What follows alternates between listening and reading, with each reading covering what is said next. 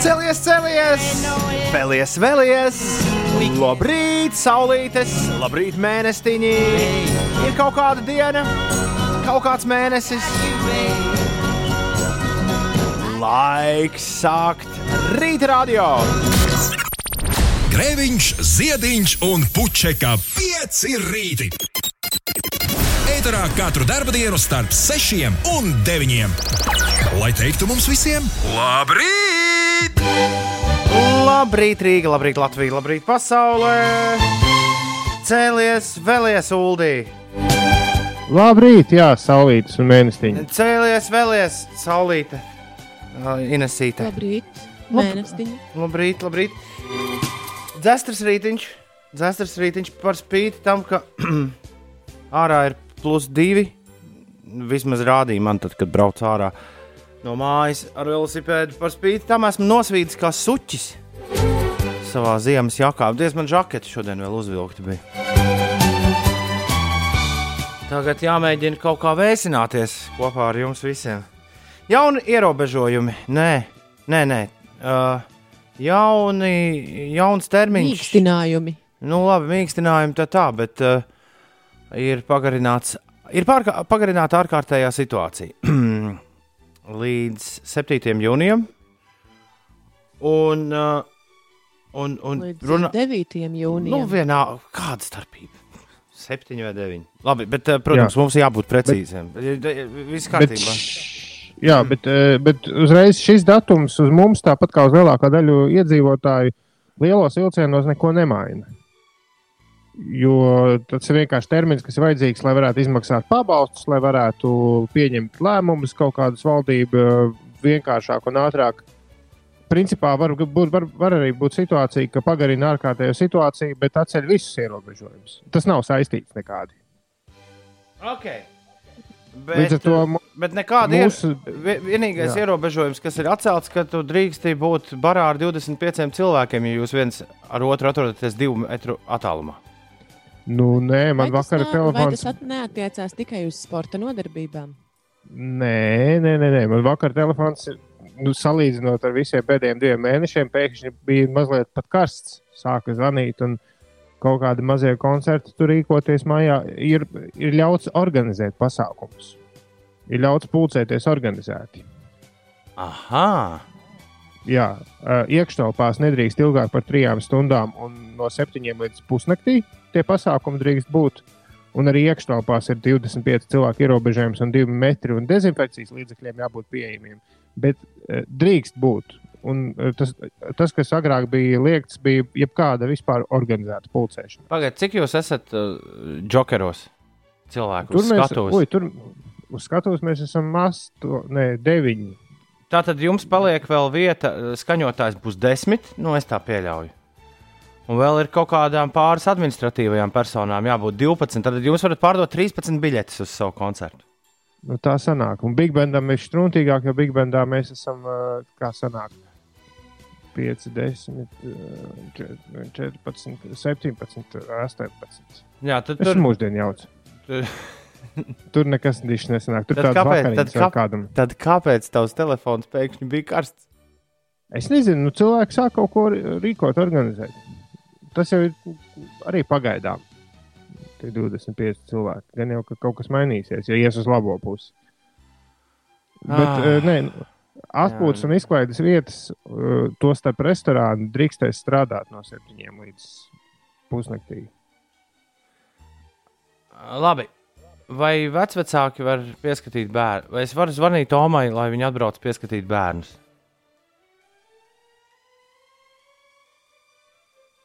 Jā. Uh, nākamais, jautā mums. nākamais jautājums. Vai es varu, uh, no kura datuma es varu vest uh, Evertu uz dārziņu? Kāpēc tu to jautā mums? Mums tas nav aktuāli. Es par koncertiem visu zinu.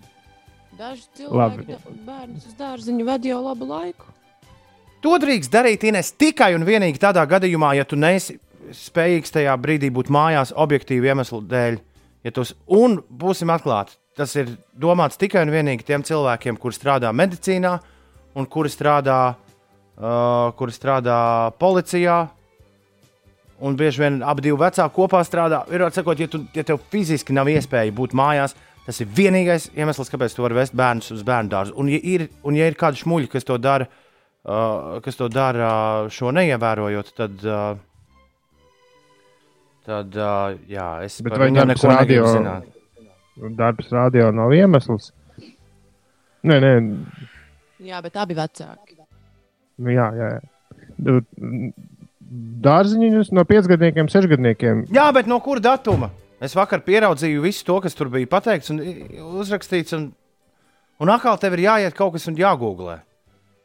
No 12. Jā, tāpēc- māja, no, no kura, no kura datuma? Man šķiet, ka šis viss ir no 12. māja. Kāpēc Jā. no 12. kāpēc no otrdienas pēkšņi? Tā- Tāpēc, ka līdz 12. Pēc, līdz bija 12. iepriekšējais. maijam bija ārkārtējā situācija iepriekšējā. Jā. Pirms mēneša No, noteikti. kur tur ir līdz loģika? 12. Lai- Ja ir līdz 12, tad parasti mēs runājam par datumiem ieskaitot. Nu, bet, Pēkšņi šis kāpēc ir tad no tu, sākot? Ne, es vienkārši neko nesaprotu. bet tad tu gribēji, lai no 13. ir? Nu kā nesaprot? No 12. māja. No otrdienas. Nu, Tā sanāk, jā. Man liekas, mēs te visi trīs tagad uzvilksimies. Tāds saspīlējums. Tāpēc, ka ir piekdiena, tad, kad es biju mazs puikas, man rīktīgi nepatīk otrdienas. Jo, nu, skolā, vai ne? Draugi tā kā satikti, brīvdienas tā, jau pirmdienā, brīvdienas ir tālu, tagad kaut kāda otrdiena. te.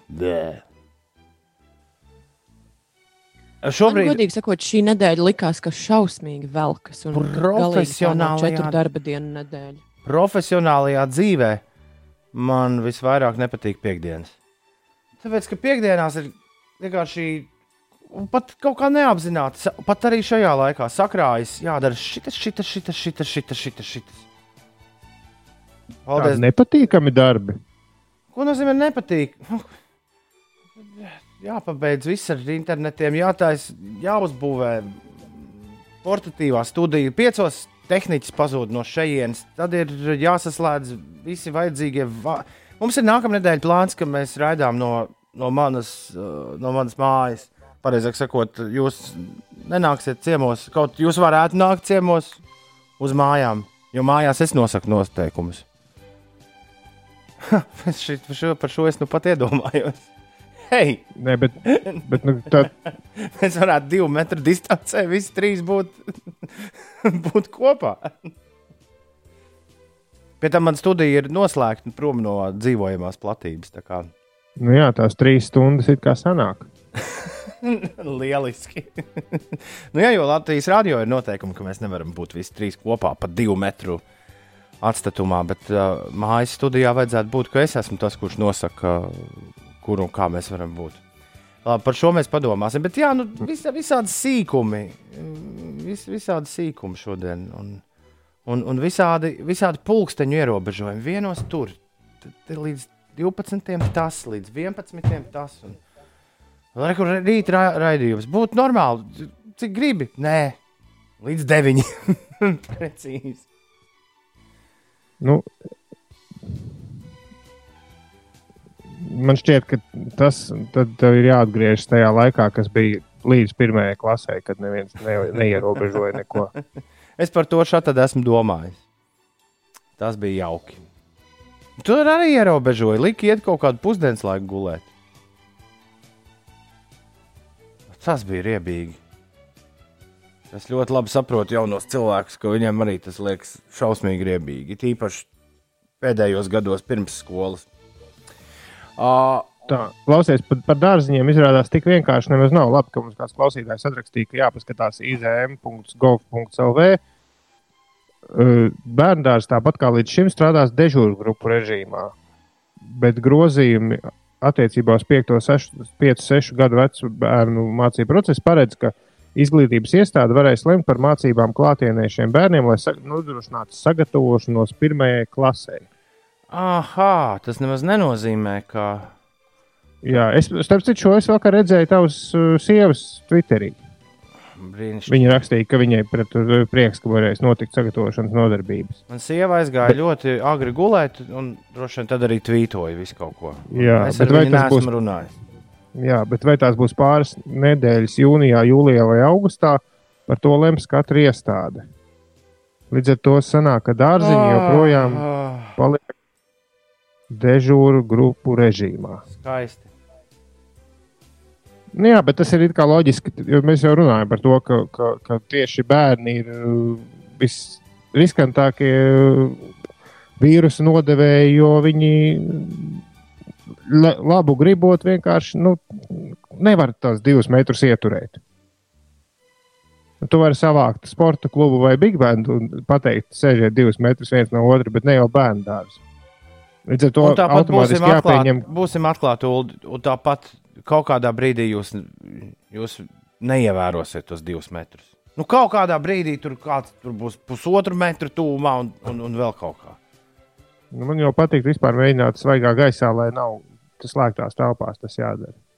Nu, jā, bet, bet uh, tas, kas sanāk, ar, kas ir uz skolām, es kaut kur lasīju ļoti te- frāzi, ka jāpieņem, ka ja kaut, kaut viens bērns ir ticis tūmā un inficējies, tad momentā ir jāpieņem, ka ir viss dārziņš. Nu, ja teiksim, iestādēs vienkārši drošības pēc ievieš, tad kā atceries, kā bija sājumā, kad tur bija viens, viens gadījums. Viens čalis, Nu, jā. tad saka, jā, tad saka, jūs te visi tagad esat, nu, jums ir jāizolējas. Tad dārziņā vienkārši jāpieņem, ka visi momentā ir slimi, nu, inficēti. Tur nav tā distancēšanās. Nu, ta, tas ir tā, es skaidroju, kāpēc dārziņi nav joprojām atļauti. Man mamma vakar, man diezgan, diez, diezgan uh, daudz gadu ir mammai. Un mamma vakar man ziņo priecīgi, ka bijusi, bijusi nodot uh, Covid analīzes. Es saku, pik, pik, pik, halo, kāpēc? Un man ģimenes ārste teica, ka var, ir, ir tāda iespēja. Jā, Kāp- ģimenes ārsts var nosūtīt. Jūs esat riska grupā. Es saku, bet tu taču māmu vazājies apkārt. Un māma iet uz darbu reizi nedēļā. Brauc ar sabiedrisko transportu. Es Ja viņai maska tagad būs jāliek, starp citu, sabiedriskajā transportā. Tas arī no 12. no otrdienas. Jā. Tā nepaigi pārliecinoši atbildēju. Es. Ja, god, ja godīgi, paldies Dievam. Jo, nu, kādi, es, es, es sākumā es gandrīz pa- paliku nikns, bet tad sapratu, ka nu, šai situācijā nav kāda, ko, ko tas dos niknoties. Bet, nu, vai kāda jēga to taisīt manas analīzes, ja pēc tam tu iekāp atkal trolēbusā un uh, mierīgi brauc apakaļ uz mājām? Nu, tas tā kā datorspēlē no, noseibot.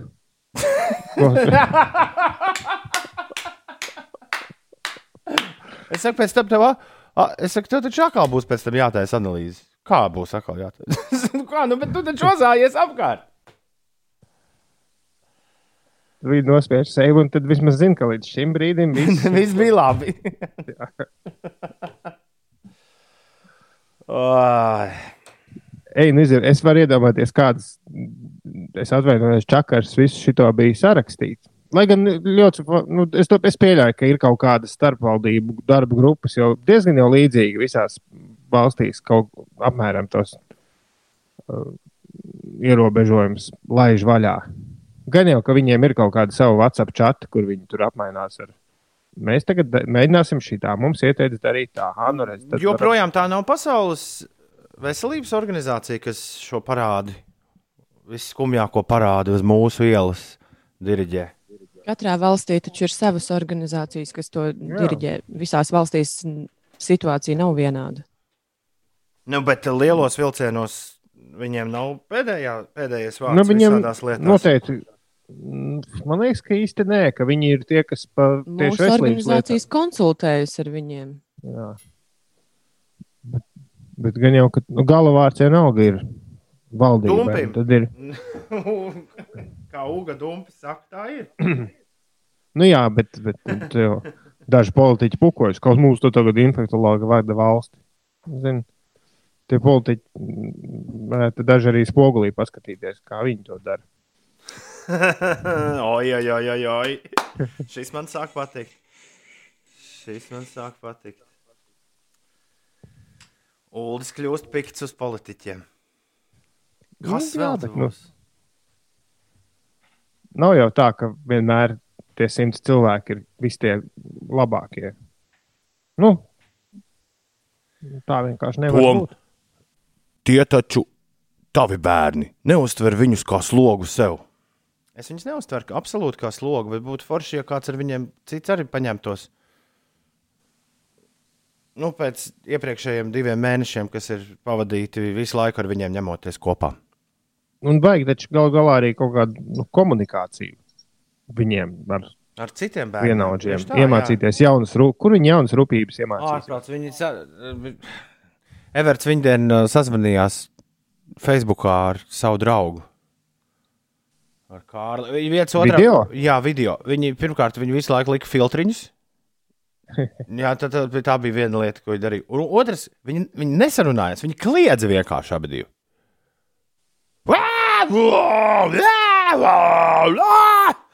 Tāda, tāda ir viņu komunikācija pēc diviem mēnešiem, kas ir pavadīti mājās. Nu, Bet arī, arī tas ir vajadzīgs. Skaidra lieta, skaidra lieta. Jā, kāds mums atsūtīja uz ministru kabinetu visus tos. Tas pacients tur ir, ko mēs jau lasījām. Vienkārši es, es ļoti labi saprotu, ka tajā brīdī, kad tas attiecas uz tevi, nu, ka tev ir personīgi jāsaprot, vai, piemēram, tu vari vest bērnus no 11. vai 12. māja, tad ir jautājums, vai tas ir ieskaitot. Bet, bet parasti jau šādā gadījumā, ja saka no 12. māja, tad tas ir no 12. māja. Ieskaitot. Un arī ja līdz 12. maijam, tad tas ir līdz 12. maijam ieskaitot. Parasti nu, nesaka datumu, kurā tas vairs nav spēkā. Nu, jebkādā situācijā. Izņemot, ja tev ir kaut kas jāiesūta līdz. Nu, kaut gan arī. Nu, nu, piekritīs, ka tas ir. To, ja tev ir jāiesūta konkursam kaut kāda lieta līdz 12. maijam, ka tev vien, tas jāizdara 11. maijā, nevis 12. maijā. Tā taču parasti nav. Tā vai ne? nav, nē. Saka līdz 12. maijam, un tad reizēm pieraksta līdz pusnaktī. Vai, nu, ja, ja nu kāds tur ir pēdējā brīdī. Bet, Ines, tu Man neesi vēl šķiet- aizmigusi?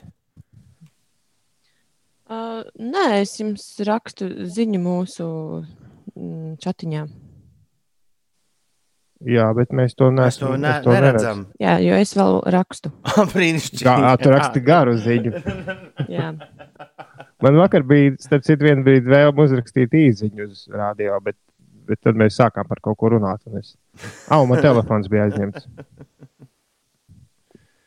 Bet viss ir labi. Nē, nē, bet mums jau vajag. Nu kā, nu mēs esam tādi paši iedzīvotāji kā visi. Un skaidrs, ka šim visam izurpties cauri, tīpaši, ka tev ir tik daudz jāsaprot uzreiz, ko tagad darīt. Un cik rīkot koncertus, un kur, un, un vai var, un cik stundas, un vai vispār ir jēga. Man, man patīk tas, ka tur ir kaut kur es redzēju, ka ir tas par auto.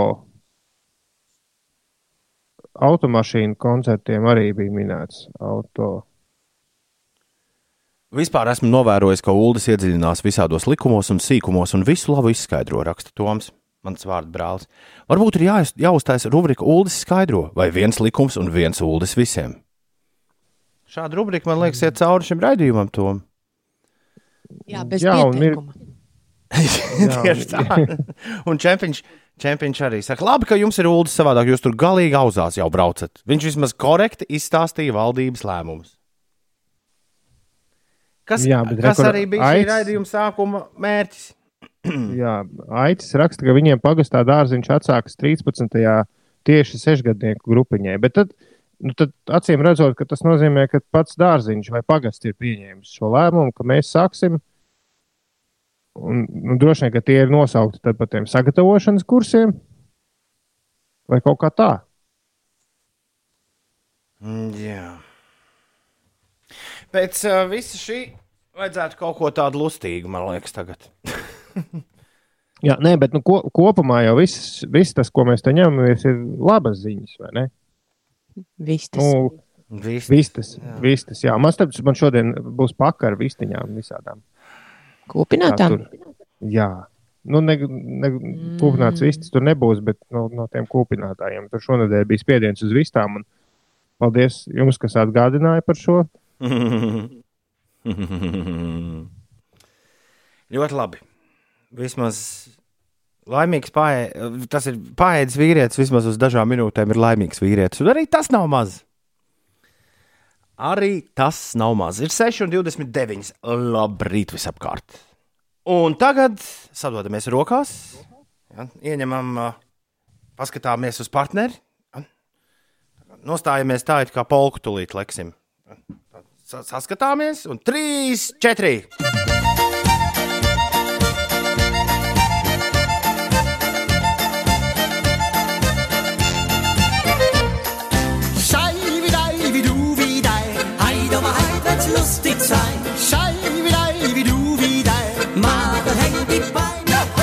Mm, diemžēl, neizkliedēja. Nedaudz uzvilka to rīta atmosfēru.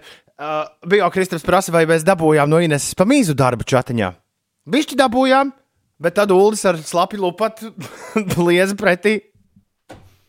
Jā, Mēs paņemšu dri- savu slapjo lupatu vēlreiz. Aha, aha, aha, aha. jā, mēs esam ēterā dzīvi cilvēki, un mēs tieši tāpat kā visi mūsu klausītāji mēģinām saprast, kas un kā notiek.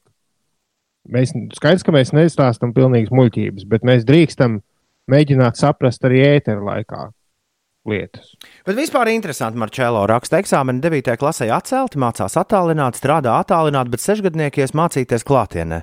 Kaut kā līdz galam nesaslēdzas tā loģika, kurā vietā tam 5 līdz 6 gadniekam ir mazāks risks kā visiem citiem. Bērnu dārzā līdz šim uzdevums deva attālināt, un viss notika mājās. Domāju, cik neaizstājama un svarīga ir šim vecumam mācīšanās klātienē. Nu, Nē, nenotiks mācīšanās, ir var tikai izņēmuma gadījumos lemt par mācībām klātienē, lai nodrošinātu sagatavošanos pirmajai klasē. Un tas var būt arī jūnijā, jūlijā vai augustā. Lūdzu, Jā. Man, labrīt, manam māsas dēlam, kurš beidz 9. klasi, būšot iestāja eksāmeni. Vai tādus drīkst taisīt? Kurā vietā iestāja eksāmenu? Nu, Gimnāzijas, skolā, ne? taisa iestāja eksāmenus. Nu, ne tikai šajā situācijā, bet uh, vispār. Labs rīts. Mūsu dārziņš jau līdz malām pilns rakstā arī. Abas dežūra grupas jau sen ir pilnas, un no pirmdienas būs jauna papildu grupa. Visi paraksta dokumentu par to, ka nav ko- kontakts ar covid slimnieku un tā tālāk. Bet nu nav tā, ka vecāki gaidīja valdības lēmumu. Viņi vienkārši sāk jau vest uz dārziņu, kad kādam jāsāk strādāt, vai arī paliek jau par grūtu mājās. Mārtiņš saka, ka dārziņā stādīt sīpols piecgadniekus var sūtīt jau tagad. Tas piemājas dārziņā.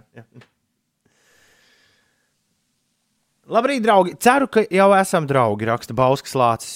Protams, Bauskas Lācis. Tu, to, tu par to kaut mirkli šaubies. Bauskas Lācis raksta, šodien atkal īsti pat nav nekas jāsaka. Visi jau zina, kas šodien par dienu. Mm -hmm, šodien ir tā diena! Jā! Piektdienā! Nezinu, cik tā ir pūkstens, bet es pa ceļam vienu iepļaušu glāzīt, autobusā noteikti. Ir 6,35. Labrīt! Today very lucky. Congratulations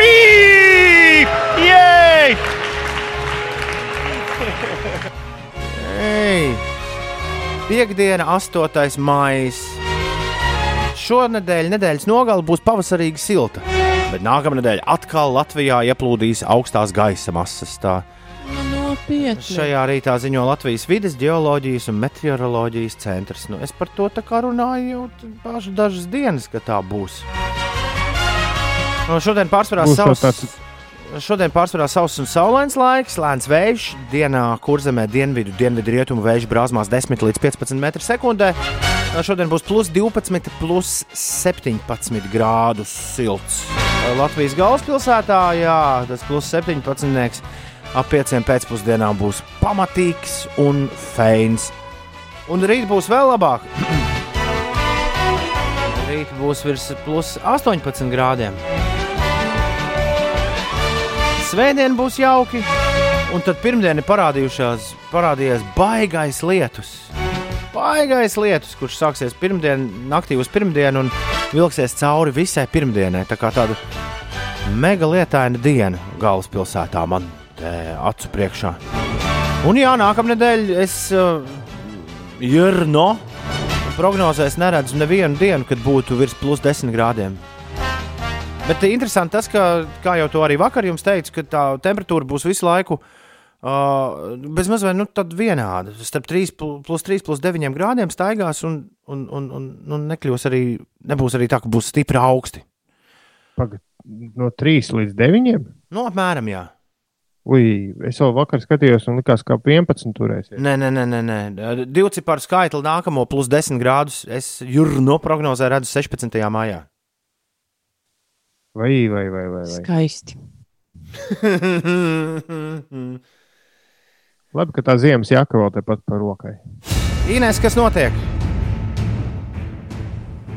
Par ko jau mēs šodien visu rītu runājām, līdz ar Covid-19 dēļ ieviesto ierobežojumu mīkstināšanu tiek atļauti pasākumi līdz 25 cilvēkiem. Savukārt to maksimālais pieļautais ilgums iekštelpās būs 3 stundas, kamēr Uz ārā pasākumiem laika limits neatiecas. Tā lēma valdība vakardien.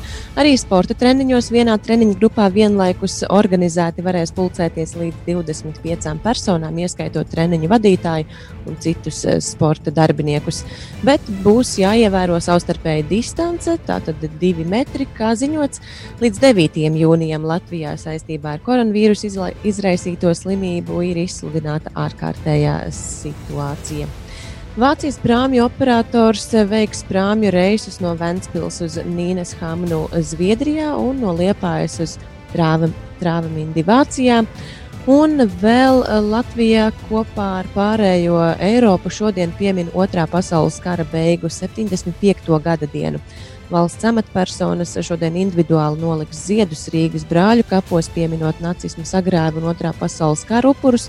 Savukārt visus pārējos cilvēkus amatpersonas aicina šo dienu atzīmēt, nu, tā teikt, mājās iededzot svecīti logā vai padomājot par vēstures notikumiem. Kaspars raksta, labrīt, Foršē. Es ar ģimeni vakar izpildīju to Eiropas testu. Tanti par radio teica, ka rīktīgi īzī, bet daži jautājumi bija Uh, ja tur nestrādā, tad tīrākā minēšana tur, vai izslēgšanas metode. Bet tur varēja izvēlēties.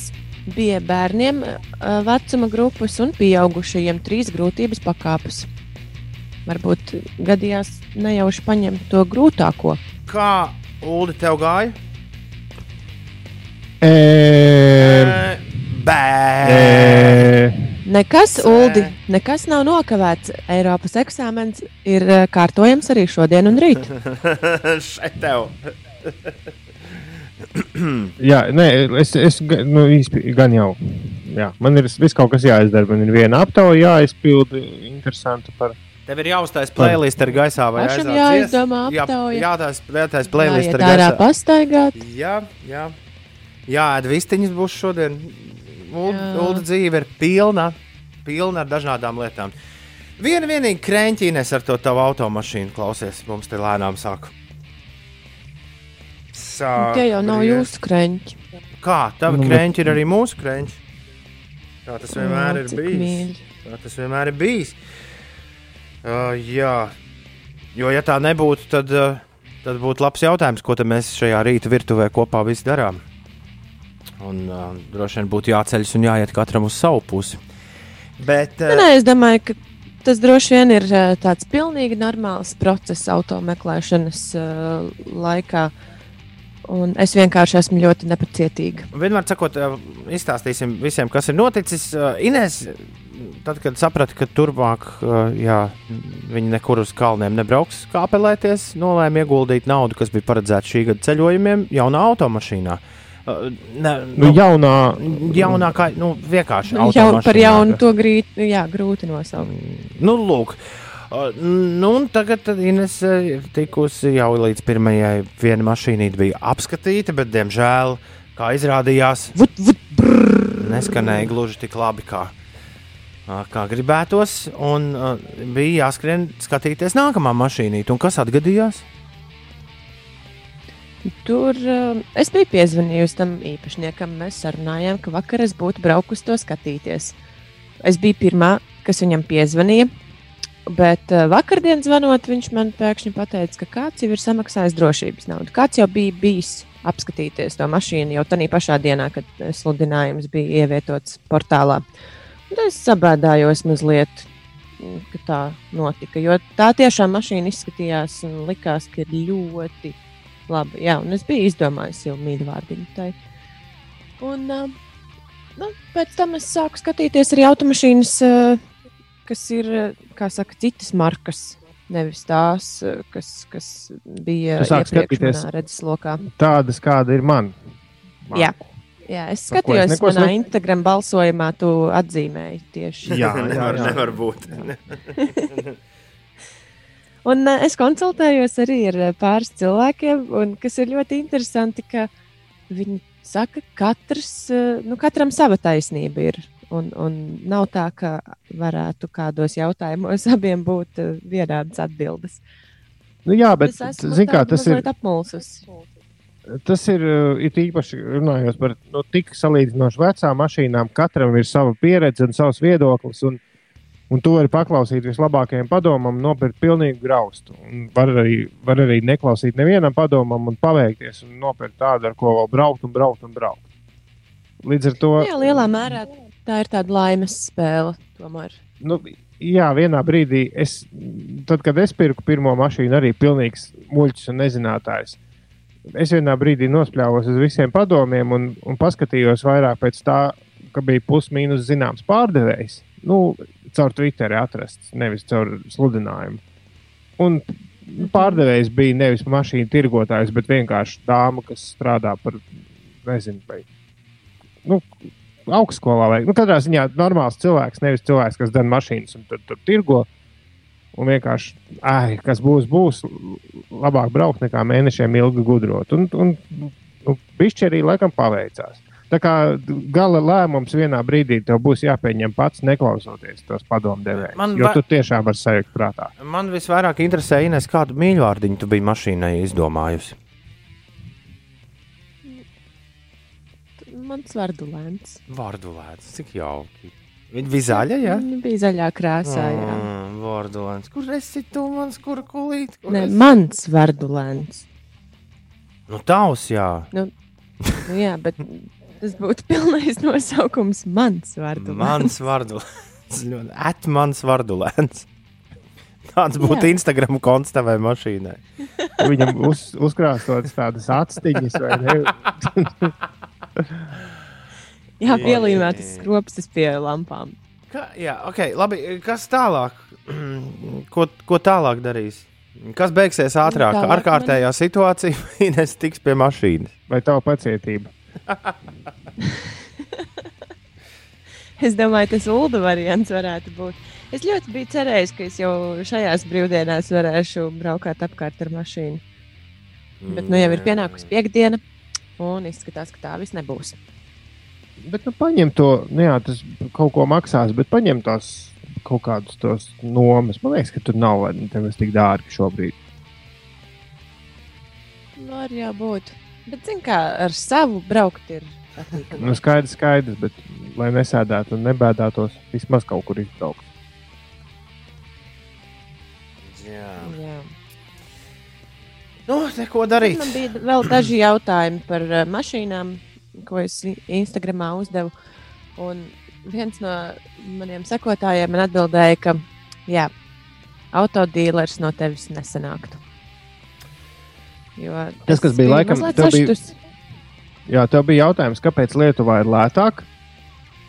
Nē, ne, ne, uz, ne uz to. Nu, uz to jautājumu man arī atbildēja vairāk cilvēki. Bet, eh, bet, bet, bet uz to, ka, kāpēc tos sludinājumus saraksta visādus. Sēdies un brauc, auto ieguldījumus neprasa, bet tad, kad aizbrauc paskatīties uz mašīnu, tad saproti, hei, prasa gan ieguldījumus. Bet tur jau nav teikts, cik tālu tu vari sēdēties un braukt.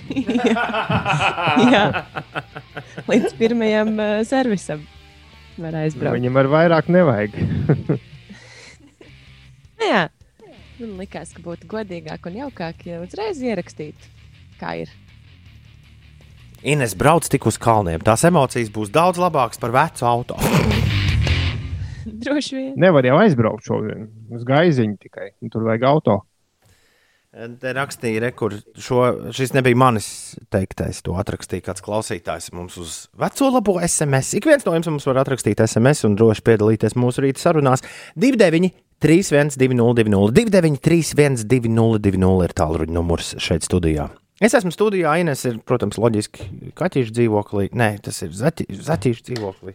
Rūtīšu. Uldis ir stūķīšu dzīvoklī. Visi, visi ir kaut kādos dzīvoklīšos. Mani kolēģi un radio ir ļoti vientuļš. Joprojām kluss un vientuļš. Gal galā, te, man liekas, vairākas radiostacijas tikai septiņos sāk. Vai nu pat sāk uh, kaut kur darboties. Un arī jau nav tā, ka tur ir bariem cilvēku. Mm. Kā tev diļu maize, Uldi? Izskatījās, ka garda bija Instagramā. Dīļu maizēm nebija nevainas. Jā, nu, lielākā daļa cilvēku nobalsoja, ka, ka nē, nekad nav, nav dzirdējuši par dīļu maizēm. Bet īstenībā, jā, man tur sasūtīja arī čūpām visādas receptes. Un, un vislabāk man patika tas, ka esot sviests jāuzsilda, tā jāatkausē, lai tas ir nevis vienkārši mīgs, bet pavisam šķidrs. Un tad tur sapiņš kā tās divas Bet samaltas. Tad, gīsu viestu sataisījām. Jā, jā, un pēc tam viņi atkal ieliek leduskapī, un tad tev sanāk tāds foršs diļu viestiņš. Vislabāk jau būtu Tad, kad- Ines taisīt to mājas viestu. Jā, tad, kad es taisīju tos viesus, tad es stāstīju, ka tādus visādus pieaugumus, dilus, tur piparus un vēl visu kaut ko, to nevar likt iekšā tādā lielā daudzumā sviesta. Tad tas bojāsies ātri. Tādus diļus viestiņus var uztaisīt eh, īsi pirms ēšanas, mazā daudzumā, uzreiz vienā ēdienreizē, lai apēstu. Skaidrs. Bet, uh, es, bet diļu maizi tu atkārtosi savā dzīvē, ja tas bija tikai viens eksperiments. Atkārtoši, jā, jo man divas garšo un, un, un viss tas. Es arī gribu pamēģināt. Jā, Nu, vajag, vajag. Vēl, nā, es tagad mēģināšu tur ar pipariem, un, un sāli un krējumu. Un. Ļoti labi. Labrīt, līdzīgi kā laika ziņu apos, kad rāda temperatūru vienu, bet pēc sajūtām ir citu, vajadzētu arī uh, laikrādi tādu. Nu, piemēram, tagad rāda 6,59, bet pēc sajūtām ir kaut kāda 8. Tomam, šī pagaidām ir rīta labākā izziņa, ko es esmu lasījis. 293, 202, atsūta arī tu uh, kaut ko foršu mums. Jo uh, pēc sajūtām astoņos ir diezgan feini vienmēr kaut ko tādu palasīt. Šeit Toms Grēviņš, Ines Pučeka un Uldis Ziediņš. Mēs kopā esam pieci rīti. Katru rītu starp 6 un 9 Latvijas radio 5, 5 LV ēterā. Un smejies vai raudi, mēs turpinām. Man ir lielisks Jā. ziņas. Nu, nu, nu. No kāds vaļā. mūsu klausītājs Baibas Amerikā. O, labrīt, baiba. Nē, labvakar, Jā. baiba. Viņa raksta, čau pieci. Pēdējo vakaru jūs mani midzināt. Turpmāk man modināsiet. Es beidzot tieku uz dzimteni. Jej. Jau, svēd, jau svētdien Čikāga, Amsterdama, Rīga. Pie tam tam šitik feini, jo mēs esam klausījušies visādus briesmu stāstus, kā cilvēki atgriezās no visādām vietām. Bet Čikāga, Amsterdama, Amsterdama, Rīga ir nu, šajos laikos karaliski. Apsveic. Jā, Un ar labu nakti. Un ar labu nakti. Klau, uh, jā, man ir, man ir muzikālā mīkla, Uldim. Piedod, Ines, ka ne tev. Bet uh, Uldis vienkārši šo pilnīgi noteikti atminēs. Tu droši drīkst piedalīties, Ines. droši. Man ir uh, viena tāda studiju gadu paziņa, kas man sūta regulāri. Viņa atceras kaut kādas dziesmas no tiem laikiem. Un tad viņi man sūta, sūta kaut kādus apzīmējumus un prasa, vai es, jo es esmu viņas human shazam. Ja viņi nevar atcerēties dziesmu, tad es varu, es varu to viņai pateikt, kas tā ir pa dziesmu. Un uh, rekur viņi man jau aizvakar naktī atsūtīja Song Challenge. Klausies, Ulu! Nu, nu. Atkal aizmirsu hītu, viņa raksta. Izklausās pēc vaiba līdzīgs killers Mr. Brightside, bet vecāks. Un tur ir kaut kāds bad boy, poor boy, na, na, na, distorted balsī. Distorcētā balsī. Tātad. Tikpat labi var būt skūteri. LOL. Kas tas ir? Es atminēju, man tas prasīja trīs sekundes laika Tas ir šo izdomāt, kas tas ir. Bad boy, bad, bad, bad, bad, lazy boy. bad, bad, bad, bad, bad, bad, bad, Yes! boy.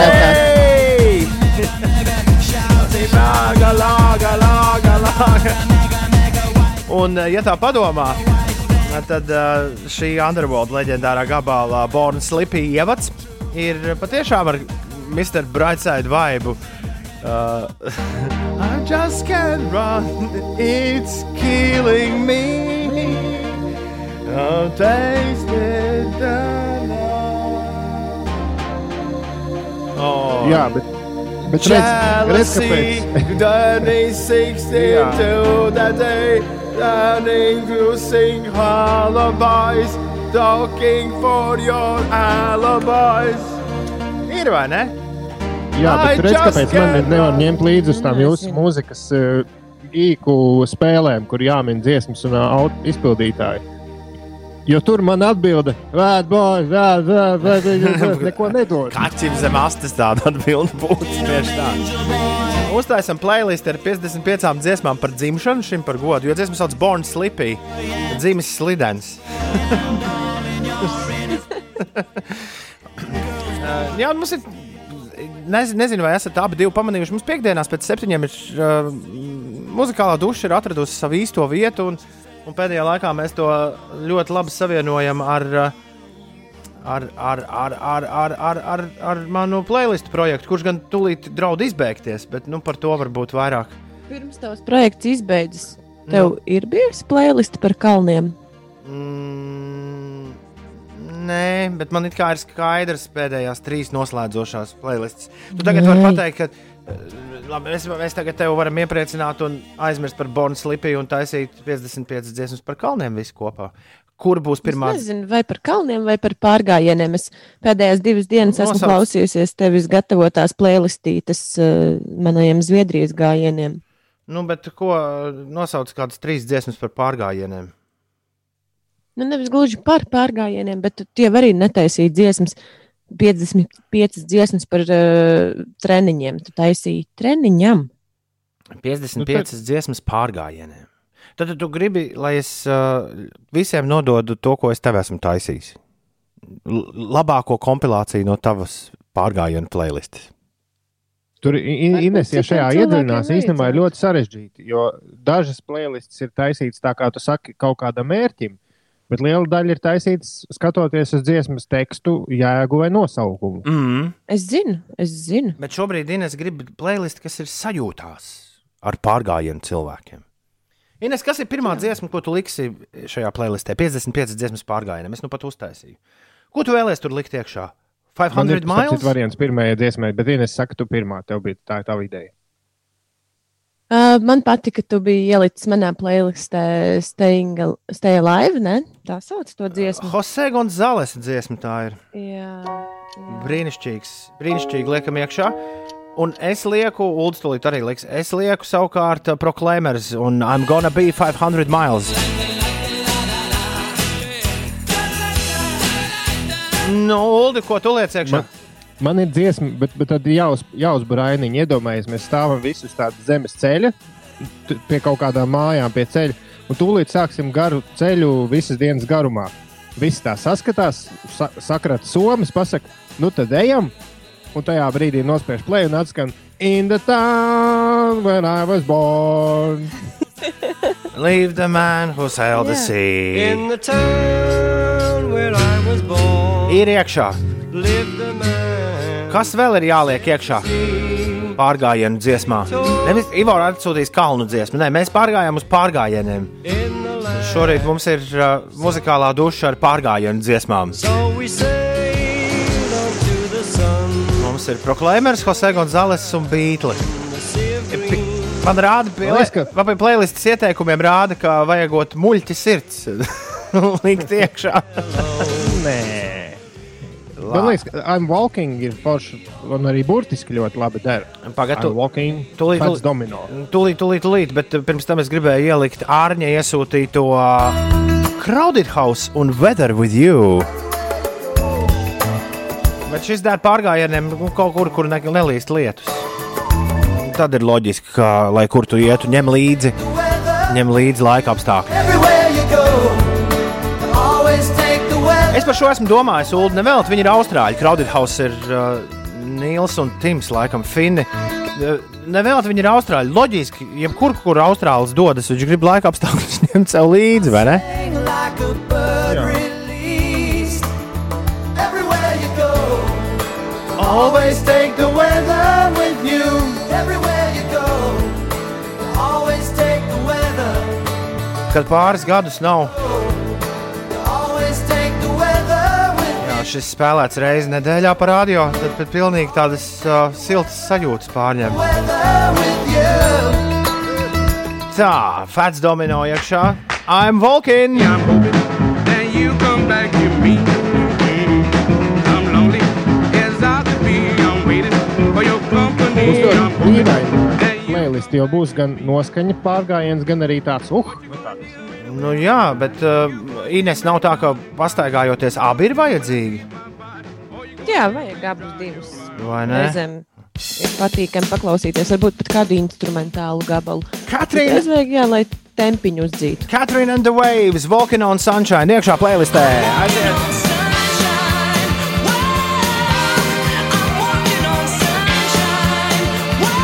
Un man jau liekas, ka var tad ielikt arī ļoti labi kopā ies uh, ar Aniju Lenoksu un Walking on a Broken Glass. Ir tur tie, ne, ir tie, ir tie, uh, ir tie ekstrēmisti, kas staigā pa stikliem. ka Viņiem arī Anija Lenoksa dzied. Un man liekas, ka Ines arī Empire of the Sun, Walking on a Dream, tīri labi derēs. Es, nedzir, es nedzirdu apstiprinājumu. Jā, jā, jā, es saku, jā. Tad labi. Tā, šito tad arī liekam iekšā.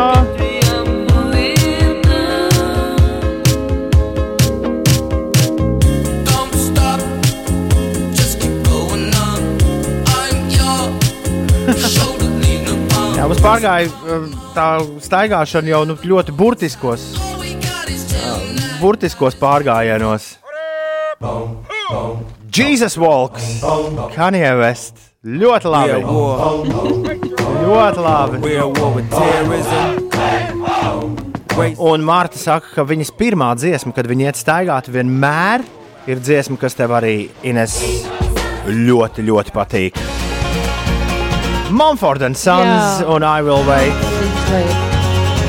To arī liekam iekšā. Paldies visiem, kas ir iesūtījuši savus variantus. Es tos apkopošu nedaudz vēlāk. Un šīs dienas laikā 55 dziesmas par pārgājieniem jums būs pieejamas. Ieliekam vēl tikai šorīt visiem dzirdot going.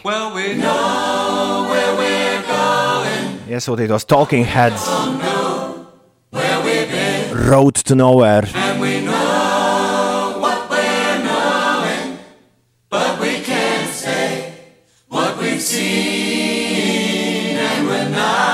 Pietiks jums tur dziedāt. Dum, Es arī atsūtīju.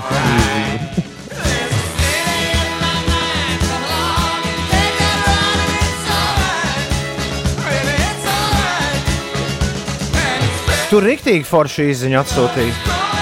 Kā lai pārtrauc dušoties? Ja ir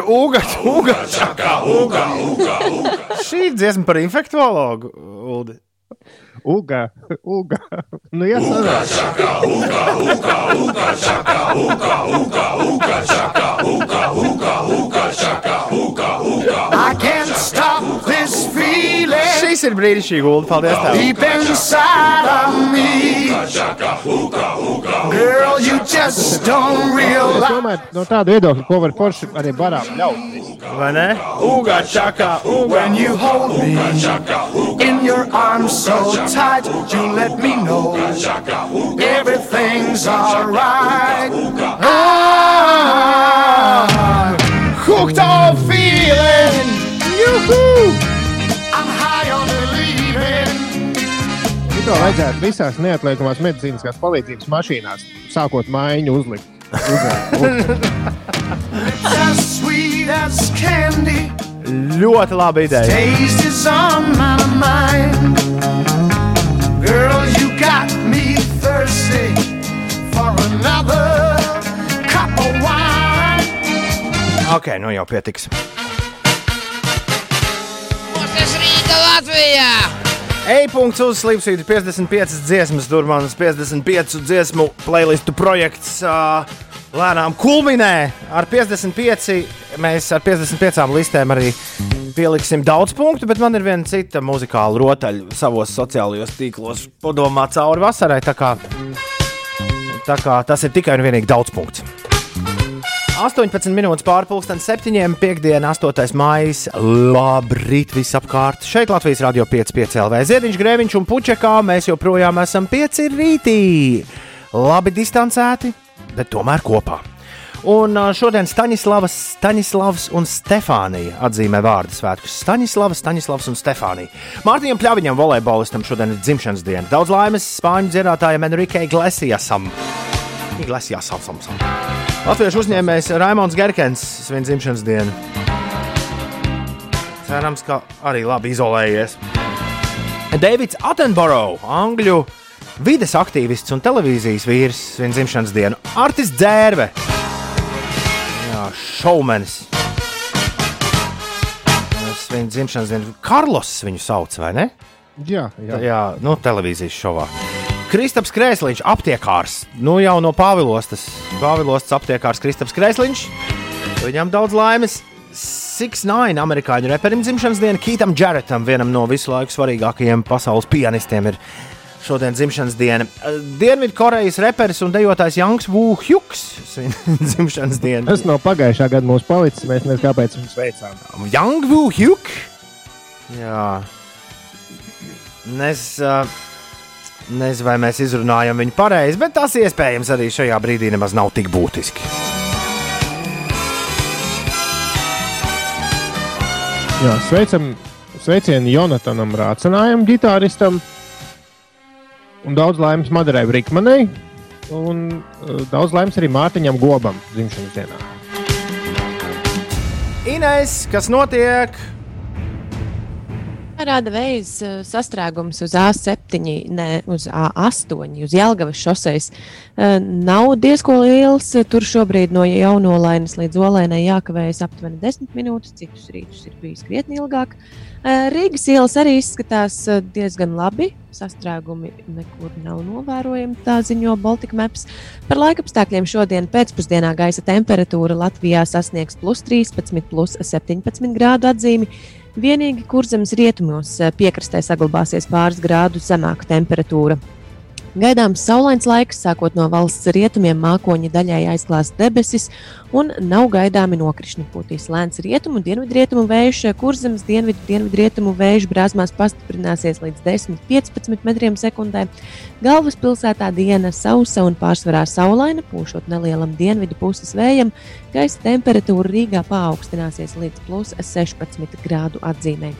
Līdz ar Covid-19 dēļ ieviesto ierobežojumu mīkstināšanu tiek atļauti pasākumi līdz 25 cilvēkiem. Savukārt to maksimālais pieļautais ilgums iekštelpās būs 3 stundas, bet ārā pasākumiem laika limits eh, nav noteikts. Ārā varēs eh, nodarboties arī ar dažādām eh, sporta aktivitātēm. Ew, ķinīši būs vaļā tātad. Nu, līdz 25 cilvēkiem zālē. Jā. Nu, nu, Tur gan mierīgi var noteikt. Ķinīši noteikti sadalīs. Nu, kad tur trīs, piemēram, tu varēsi pirkt vai nu priekš pāra, nu, piemēram, biļeti, vai arī nu, tā, ka sadalīts ir. Tev pa labi trīs cilvēki nesēž, ulu, un pa kreisi trīs cilvēki nesēž. Jā, vai, vai kino. Vienīgi, ko tajā, te- vienīgi, ko tajā ķinītī rādīs? tā ir vienīgā problēma. Jo visas filmas ir atceltas. Nu, vis, vispār šis ir labs jautājums. Jā, vai, vai varbūt ka tos, tos autokinoteātrus taisīs beidzot? Everīte neko nesaprot. Viņa saka, tā tad trīs stundu laikā saslimt nevar, ilgāk par trīs stundām var. Loģika. Nē, nu, Everita, ir tā, ka tu nevari saslimt līdz tam brīdim, kad tu, vari, kad tu saslimsti. Tāda ir loģika.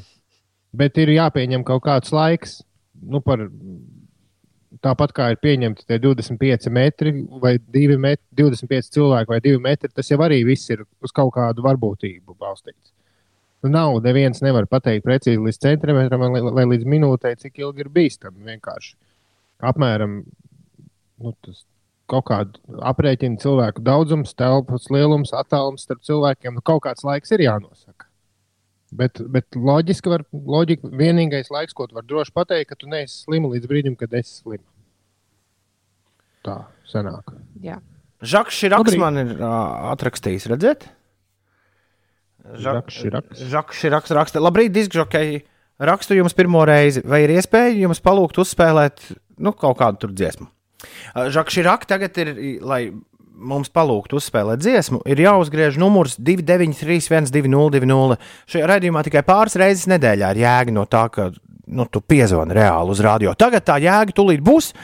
Es esmu izslēdzis tālruņa līnijas, lai visiem vienādi noteikumi. 293, 202, 293, 202. Ir laiks kādam pierunāt diskžokeju.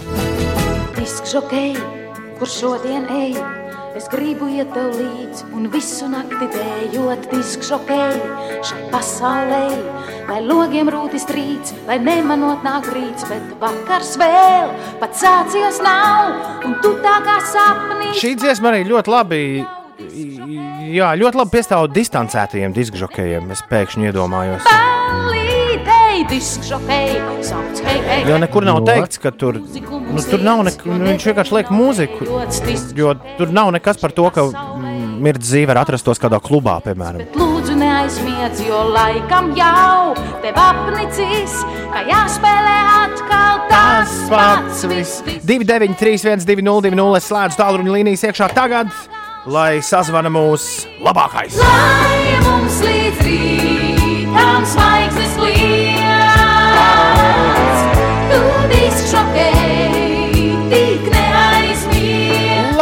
Labrīt, hallo! Čau, čau, čau, čau, čau. Kas mums ir tālruņa klausulas otrā galā? Pečus. Labi, ka ne Kārlis. Nav Kārlis Pečus. Pēčus zina, kas Kārlim pa bēdām. Nē, Es ar Kārļa bēdām tā arī nepadalījos. Kārlis raksta, ka viņam besīka alga vēl nav. Mēs... Mēs, es domāju, ka viņam vēders stāv. nē, mēs te runājam par vistiņām un diļu viestiņu. Nu, mēs runājām iepriekšējā stundas beigās. Vēd, mm. -hmm. Un Kārlim tikmēr vēders izdevš skaņas. Būs jāizdedz svece, viņš raksta. Es varu kādu divus eiro aizdot. Dzirdi, Kārli? Viss, kas tev jāizdara, tev jāsameklē pečus. Kaut, Sanāk, kaut kur. trīs diļu saistīši vai pat četri, ja labi pameklē lētāk. Bet maizi arī vajag gulēt. Nu, var tāpat. Pečus, kā tev iet? Nu, normāli braucam uz darbu.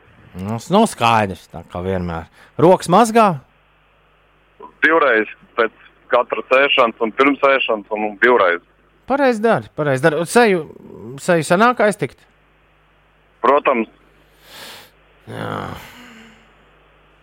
Man arī ik pa laikam palaižās rokas. Klau, Pečus, ko mēs varētu tad forši paklausīties šajā brīnišķīgajā piekdienas rītā? tā nu atbalstīsim vietējos. Es gribu grupu tehnikums. O? Kaut ko speciālu no viņiem vai vienalga ko? Ah, vai nu līdz malai, vai nu tevis nav, lai ir radio formāts. Var taču, kas ir radio? Viena lieta, kas pavisam noteikti beigsies ar visu šito te. Kāds vēl formāts? Labi, tad uzliekam, kas nav bijis. Grupa tehnikums, dziesma tehnikums. Tehnikums, tehnikums. Labi. Vajag labā. Liksim tādu augšā. Mīlestību. Jā, liksim augšā. Lai tev arī mīlestība klausies daudz. Būs noteikti aiziet. Daudz, daudz, daudz, daudz, daudz. Līdz pat malai. Un tos divus eiro iegūdu labi kaut kur. Uldis tev saka kaut ko svarīgu? Nu? Tos divus eiro iegūdu labi kaut kur. Es varu arī Uldim divus eiro iedot. Uldim nevajag. Uldim ir, Uldim, ir iekrājumi. Es labprāt peču paņēmu. Man, man, pēc, man nākamā nauda pēc aptuveni divām nedēļām ir tikai gaidām. Labi, tad tiekamies pēc ētera Doma laukumā. Bet pečus, lai tev forši nedēļas nogali. Labi, jums arī, jā, visiem. Čau! Tā! Čau, tā!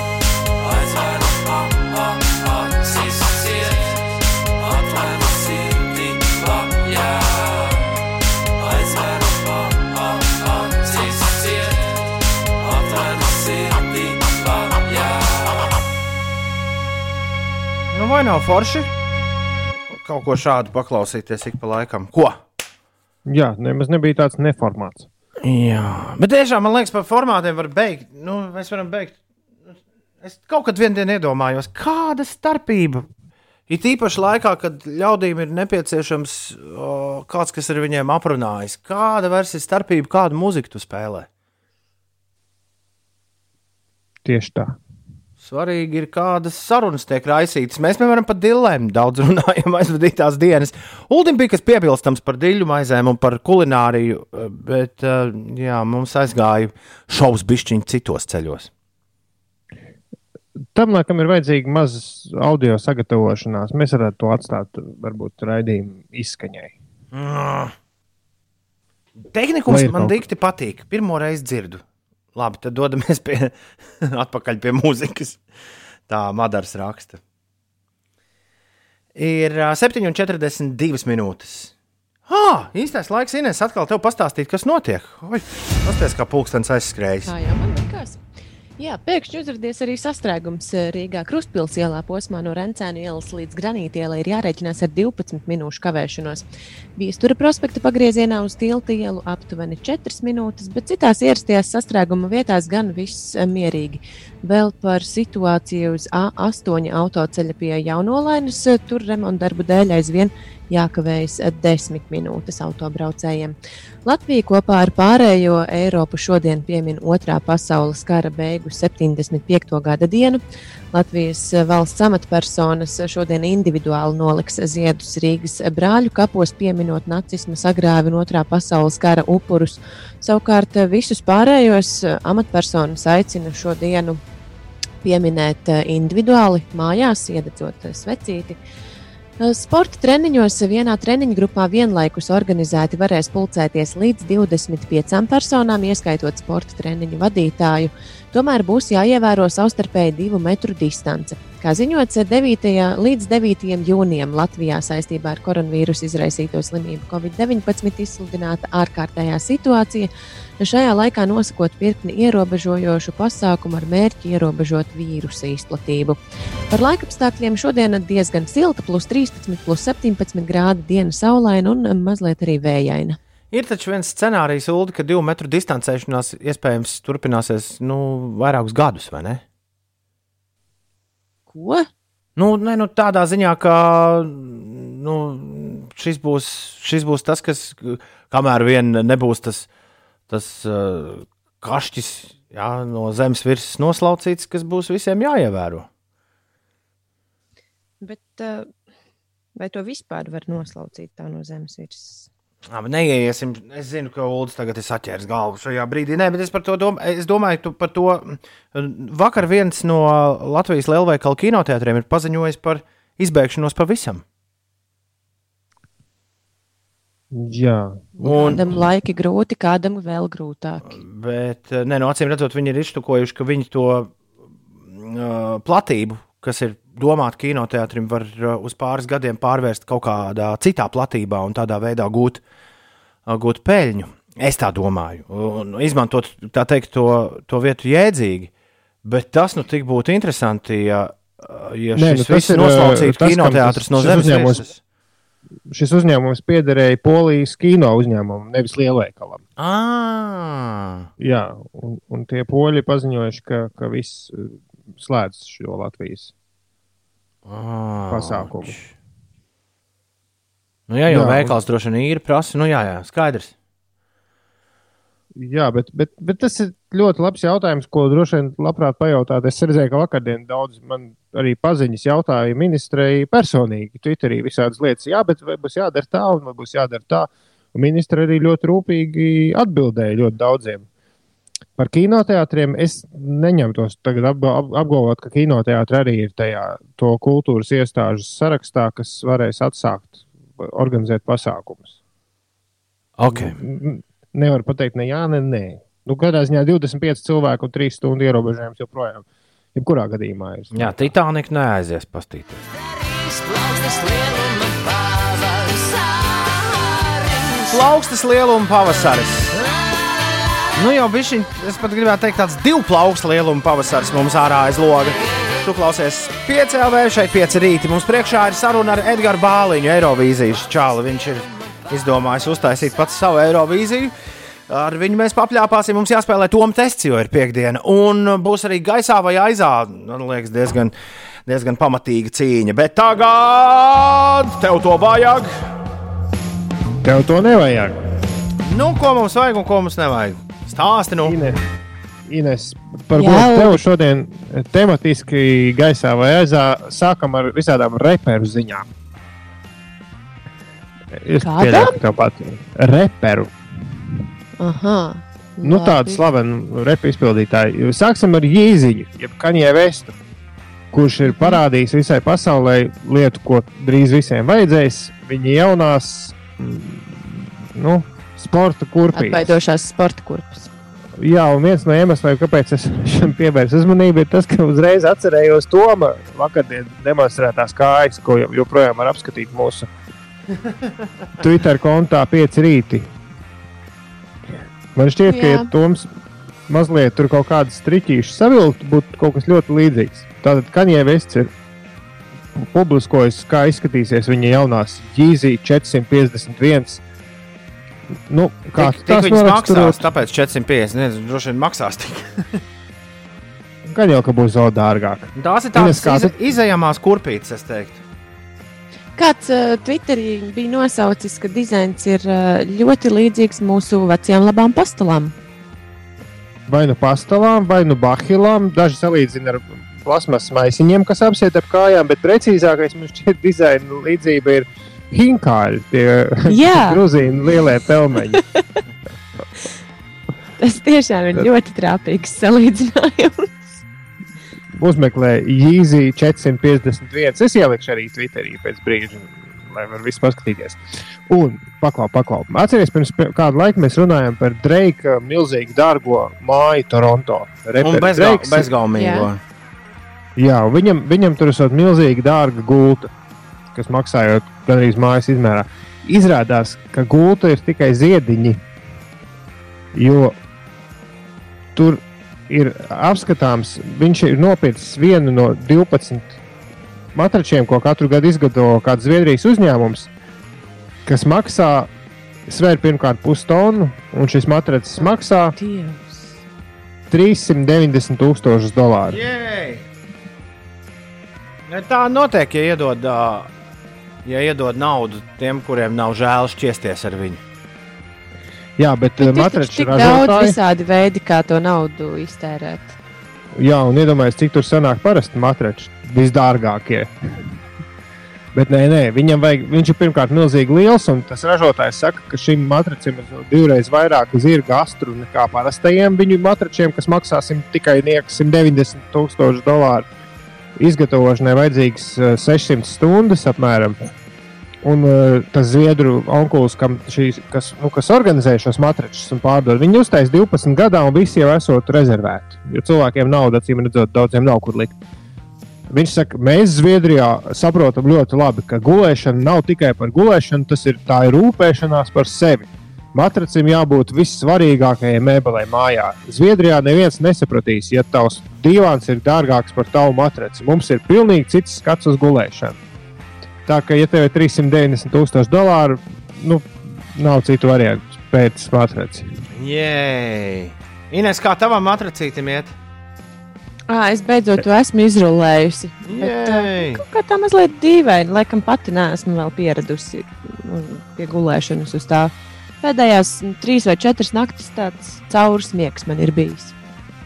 Nu, krāja vēl naudu, nepērc mašīnu un Jā, 390 labāk matraci tūkstoši būs miegs kā dreikam. Cerams, lidojošo matraci, ar ko es varētu braukt arī Man apkārt. liekas, ka Ines varētu nopirkt tikai to matraci, kurā būs miegs kā reikam. Kāds, kāds tas ir? Nu, kaut kāds tur, nezinu, šmiskā var uz atlaidēm. Eju, un ja piečurā gultu, kas viņš prasa? Ko tad ar tiem 345 tūkstošiem dzēr? Es, es pieļauju, ka šis ir tas stāsts, kā atceries, bija tie dārgie telefoni savulaik, kuriem nāca līdzi koncieržs, kuram tu jebkurā pasaules malā varēji zvanīt un prasīt palīdzību visādās lietās. Es pieļauju, ka šim te matracim arī nāk līdzi eh, 24 stundu eh, darbojoša tīrītāja biedri, nu, brigāde, kas jebkurā pasaules vietā tev ieradīsies. Un, Tātad Tā tīrīs. Kanye čības un Dreika matracis. Abas lietas, Jā. kuras mums īsti nu, tomēr nevajag. Ir kaut kas arī vajadzīgs tev uh, krājumiņā. jā, miskaste, kura pati nomaina maisiņus. Wow! Oh. Wow, wow, wow! Sliņķa, sliņķa laime. 100 dolāri gan maksāšu Amazonā. Kas tad tur? Nu, paga, kā viņi to dara? Tur augšā vākā ir salikti maisiņi, tā kā ielādēti jau tādā kastītē. Un tad viņi kaut kā tur aizsien to apakšējo. Es tik nesaprotu, kur tas vecais maisiņš paliek. Nu, neesmu, ja godīgi neesmu izpētījis. Es tikai virsrakstu pamanīju, ka mai- miskast, kas pati nomaina maisiņus. Tur ir video arī. Brīnišķīgi. Meklēsim rokā. Meklēsim rokā, kā es tev saku. Ir, uh, jā, bez minūtes astoņi.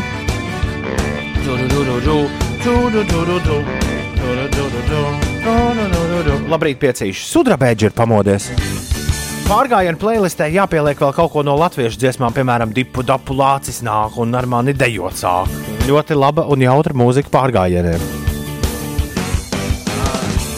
Jā, labi, bet tagad man vairāk interesē Bāliņkungs. Ir pamodies vai nav pamodies? Tu esi pārbaudījis to ulu. Nē, neesmu gan. Labi, es eh, viņam tūlīt uzzvanīšu. Un, uh, ja viss būs tā kā vajag, tad Edgars Bāliņš ciemosies brokastīs jau pēc uh, dažām minūtēm. Ja tev kas mums sakāms, atsūti īsiņu 293, 202, ir tālruņa numurs šeit studijā 293, 202. Ja tu gribi šodien prātu mežģīt un tomu testu spēlēt, arī tas tuvojas un būs. Jautājumi ir gatavi, atliek tikai nospiest play pogu spēlē. Gaidi kodu. Šeit pieci rīti, mēs turpinām. Es esmu šajā brīdī sakomunicēts kopā ar, uh, jā, sākumā es viņam teicu, čau, Rainīti. Es esmu uzzvanījis nevienam citam, kā Edgars Bāliņam, seriālā Lielie muļķi. Uh, Kā mums labi zināms, viņš ir uh, jā, Rainīša, izpild, Rainīša lomas izpildītājs, Rainīša lomas atveidotais. Čau, Edgars, labrīt! Labrīt! Prieks, prieks tevi arī labi distancēti redzēt. Tu gan esi, eh, esi cik nu publiski redzēts, tomēr tā tiecies ar cilvēkiem. Nav tā, ka tikai mājās sēdi. Nu, tā ļoti, ļoti mazos apjomos, pa vienam tikai pa vienam. Nav, nav bail. Uh, ir, ir, tāpēc, tāpēc tikai pa vienam. Un, tā, un tādu ļoti šauram kontaktu lokam, 4-5 cilvēki, kuri zina arī, kuri sēž mājās un, ne, un neko, uh, nekur neskraida apkārt pa, pa stadioniem, kur ir pilns ar cilvēkiem. Mm -hmm. Šis laiks tev ir ar mīnuszīmi vai ar pluszīmi? Uh, naudas ziņā ar mīnuszīm pavisam noteikti, bet garīgās, uh, intel, uh, garīgā ziņā noteikti ar pluszīm. Daudz kas ir uzzināts un pats par sevi daudz ko jaunas uzzinājis, ko normālos apstākļos neuzzinātu noteikti. Nu, bet iedod kādu vienu lietu, piemēram. Uh, nu, piemēram, uh, es tomēr varu paskatīties seriālus, izrādās. O kā tev, tev, tev, bija kaut kādas tā kā pumpas pretreakcija? Jā, man nebija laika. Es parasti uzliku div, vienu sēriju un, un aizmigu, vai ne? Tagad jau var uh, vakarā ātrāk uzlikt, paskatīties trīs, četras sērijas un tādā aizmigt. Viņš tos lielos muļķus skatās. Jā, Ulas tev prasa, vai tu lielos muļķus skaties? Uh, tos, uh, tos gan ne. To es uz sevi īpaši ne- nepatīk skatīties. Ja? tu, esi tā, tu esi tāpat kā tas, uh, nu, nu, tas tur zvaigžņu karu ļaunais aktieris, kurš arī nekad neskatās filmas, kurās viņš pats nospēlē. Jā, kaut kas uz to pusi varētu būt. Jā. Skaidrs. Uh, Klau, tu esi izdomājis, kā liels Eirovīzijas dziesmu konkursu fans, ka nu, ne, neies krastā, ka Eirovīzija šogad nav. Un tu, Tie- tu esi nolēmis šovakar vai rītvakar uzorganizēt pats savu Eirovīziju. Jā, rītvakar, rītvakar 9. maija ir Eiropas diena, kā zināms, un tieši tāpēc rītvakar mums būs pašiem sava maza Eirovīzijiņa, ja, to, ko, ko- mēs ā, translēsim Twitch kanālā, ne televīzijā, bet nu, pašu spēkiem, cik nu var visu esam norganizējuši, un rīt, rītvakar mēs vakarā baudīsim 12 Eirovīzijas dziesmu, dziesmu klipus, vērtēsim, baudīsim, komentēsim, Uh, un uh, skatīsimies, kura tad Latvijai patīk vislabāk. Pagaidiet, kāpēc 12? Bija taču daudz vairāk dziesmu. Parasti ir 26, es tev piekrītu, bet mēs gribam to pasākumu nedaudz īsāku, lai viņš nebeigtu uz divos naktī. Jā, daudz jādara tagad. Nu, nevar tik ilgi arī. Kurš, Mēs kurš veids atlasi? atlasi veicu es. Lieliski. Kas Vienpersoniski, ja? Un arī bookmakeru nu, prognozes, tomēr, kas bija pirms pasākuma, tās tika ņemtas vērā. Un, un, un ielikām 11. Populārākās, labākās vietas - Latviju un Latviju. Un Latvija, loģiski. Jā. Labi. Kas būs žūrijā? Oi, žūrija mums būs, žūrijā mums ir ļoti interesanti. Mums ir dažādi cilvēki no Latvijas tiešām lielpilsētām, piemēram, translēturu eģus no Vecpiebalgas, jā. Jā. Ralfs Ēlans pārstāvēs riebiņus. Uh, Kristiāna Grāmatiņa pārstāvēs kolku. Tad vēl mums ir cilvēki, Rudolfs Kungrāns no Vestienas mums ziņos. Vēl būs mums no, no citām, citām milzīgām pilsētām arī. Jā. No priekuļiem ziņos Jānis Silniks. Un kopā tātad astoņi, tā kā lielajā žūrijā, mums ir lielajā Eirovīzijā, mums ir žūrija, kas zvana no valstīm, tad mums no astoņām lielpilsētām mums žūrijas vērtējumi. Vai arī skatītāju balsis tiks 50% ņemtas vērā? Precīzi, tom tā arī notiks. Un Tātad ā, pirmajā daļā mums ir žūrijas balsojums, tad mēs saskaitām skatītāju balsis, kurus zvanījuši tātad uh, dziesmu atskata laikā, un tās mēs pievienosim klāt gluži tāpat kā lielajā Eirovīzijā. Pagaidiet, ar tevi kopā būs, uh, ja pareizi atceros, epidēmijas diskžokejs uh, oficiālais. Uh, Jā, Kārlis Čilkuts. Kārlis Čilkuts būs, un būs arī Rojas Rodžers. Tieši tā, tieši tā. Rojas Rodžers uh, arī būs ar mums un arī veiks ko komentārus, zvanīs uz šīm lielpilsētām un palīdzēs to visu padarīt daudz krāšņāku. Un uh, ko dabū uzvarētājs? Uzvarētais, nu, mēs, nu, ja Latvija uzvarēs, mēs varbūt, mēs ceram, varbūt tā 11, 12 naktī zvanīt Samantai, ko īpaši pirms tam nebrīdinot un teikt, Samanta, tu uzvarēji Eirovīzijā. 12 punkti no riebiņiem un no viļāniem. un skatīties viņas reakciju. Lieliski, lieliski. Tā. Un jāmeklē, jāmeklē tev var sameklēt Facebook vai, vai Instagram, un tur droši vien informācija ir, vai ne? Tieši tā, vai arī Facebookā saucās karantīnas Eirovīzija. Mums ir eh, Facebookā ir pasākums, un tad tur arī viss būs rakstīts, kā to visu norganizēt. Jā, dži- ja vis- mājās un neskraidam apkārt liekas sestdienas vakarā. Klausītājiem jau ir nu, jau tehniskas dabas jautājumi. Džins prasa, cik maksa par zvanu būs, lai nobalsotu. Uh, man liekas, ka minimālā maksa varētu būt, kad ir viens eiro par balsojumu. Nu, re. Tur var būt arī triecienu balsojums. Vai var būt arī triecienu balsojums, Ines, tev prasa? Tā lieta, jo vairāk tu naudu ņemtīsi, jo vairāk tavas balss skaitīsies. Viss kā pie cilvēkiem. ja tev ļoti patīk lietuviešu dziesma. Droši, nu iesūtiens 50 eiro, tie ir 50 balsis. Viss kārtībā. Varani. Varani. Garlaicīgi. Tas... Garlaicīgi tev nav izklausās. Ulds, tev nozīmē, prasīs ka- kaut ko. Lūdzu. Nē, es, es jautāju, tas nozīmē, ka diezgan īsi var arī nopirkt šo uzvaru, vai ne?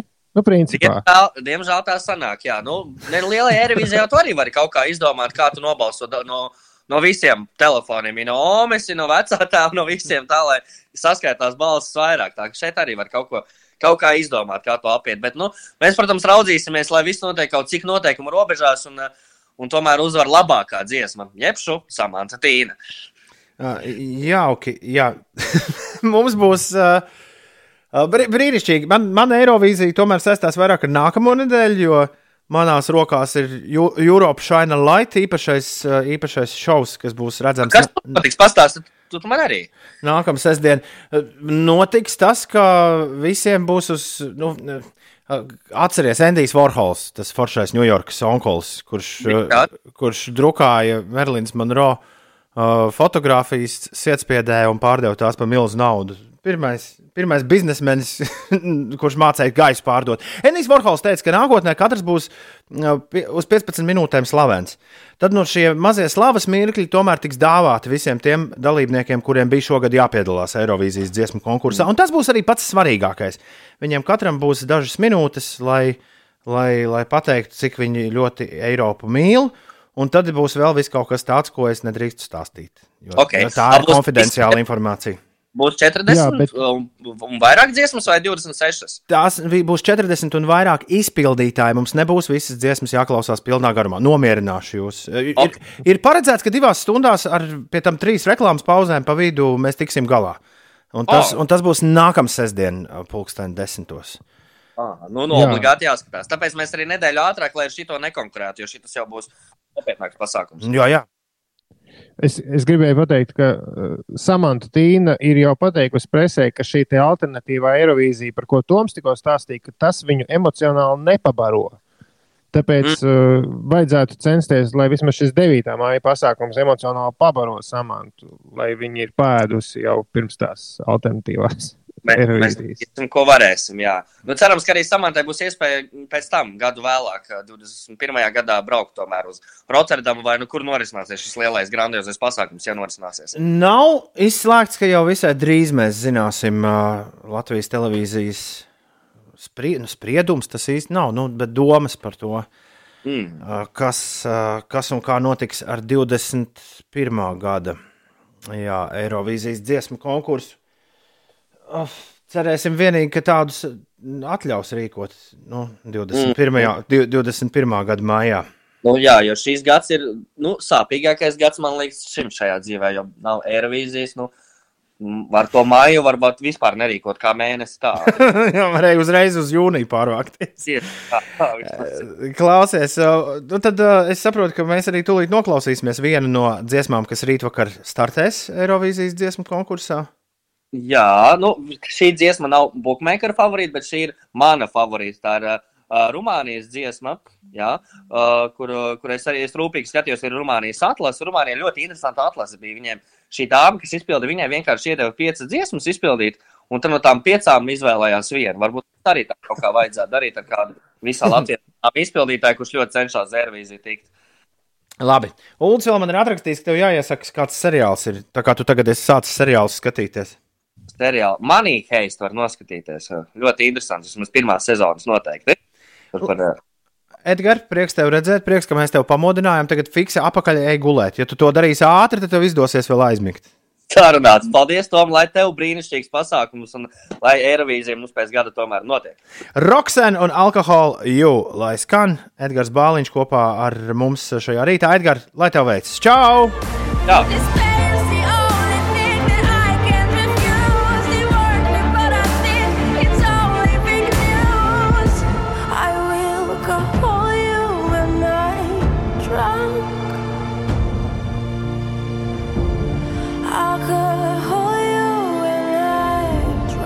Ines, vai tu balsos par šo dziesmu? Mm, Man pat arī diezgan patīk tā, jā. Kāpēc gan nevienu eiro var, var uh, noziedot šai dziedātājai? Alkohola jū, tā ir Roxanne. E, Ģitārists Mārcis Auziņš e, rīkos autokoncertu 16. maijā Ādažu vidusskolas autostāvvietā. Tajā varēs. e, Tajā būs e, 50 automašīnu ietilpība. Drošības apsvērumu dēļ no automašīnām izkāpt nedrīkstēs, un vienā auto drīkstēs atrasties tikai vienas mājasemniecības pārstāvji, kuriem līdzi jābūt arī personu apliecinošiem dokumentiem. Un koncerta tori- teritorijā netiks izvietotas labierīcības vai kafejnīcas. Oi, žēl. Jā, kā jau mēs eh, zinām, eh, ir ieviesti mīkstinošie pasākumi šajā Covid-19 laikā. Līdz 25 cilvēkiem tātad drīkstēs eh, pulcēties turpmāk cilvēki. Tas ir maksimālais eh, atļautais cilvēku skaits. Eh, Šādas pulcēšanās ilgums iekštelpās būs 3 stundas, bet ārā gan pasākumiem laika limits nebūs. Tā tad distancētās zaļumballes notiks. Tā varētu būt, bet šīs zaļuma balvas organizētais cilvēku skaits nedrīkstēs pārsniegt 25. Nu, ja viens iziet ārā, tad nākamais iet iekšā. Varbūt arī tā. Vai arī nepatīk tas, ka nepāra skaitlis, tas 25. Jā, jā. nesenāk pāri Nē. šī zaļuma balai. Izņem- Izņemot, ja viens nu, muzikants, viens spēlē Mārcis Sauziņš vai, vai kāds ir sintēzators, tad divi sanāk viņš un vēl 12 pāri. Mm. Tā kā. Ervīns prasa, vai pulcēties drīkst jau no šodienas vai no 12. māja? No 12. māja. Vai pat no 13. Drošāk būs no 13. Jā. Tāpat būs augsts, ko tur pulcēties 12. Mikro zaļumballes katrā stūrī sava. Nu, ja vairākas. Tā. Toma testā tev jāatbild, kā vienmēr, uz desmit Viktorīnas jautājumiem par visdažādākajām tēmām. Apdomāšanās laiks 20 sekundes, bet ņem vērā, jo ātrāk tu pareizi atbildēsi, jo pie vairāk punktiem tiksi. Tiklīdz atbild uz jautājumu, tev ekrānā parādās nākamais jautājums, bet es, es lasīšu vienu jautājumu 20 sekundēs tiem, kas spēli spēlēs bez viedierīces. Un nebēdā, ja tu neesi pie datora vai tālruņa, droši spēlē līdzi un skaiti, uz cik jautājumiem atbildēsi pareizi. Pēc mirkļa mēs vēlreiz iesim cauri visiem jautājumiem, un tu varēsi noskaidrot, vai es pieveicu Suldi un Inesi. Es esmu sagatavojis jautājumus, tāpēc spēlē nepiedalos, un tāpēc tas ir Toma tests. Lai visiem veiksmīgs starts un liels azarts! Lai tiešām šodien varani viss jums te tā labi notiek. Es spiežu starta pogu un mēs varam spēli šorīt sākt.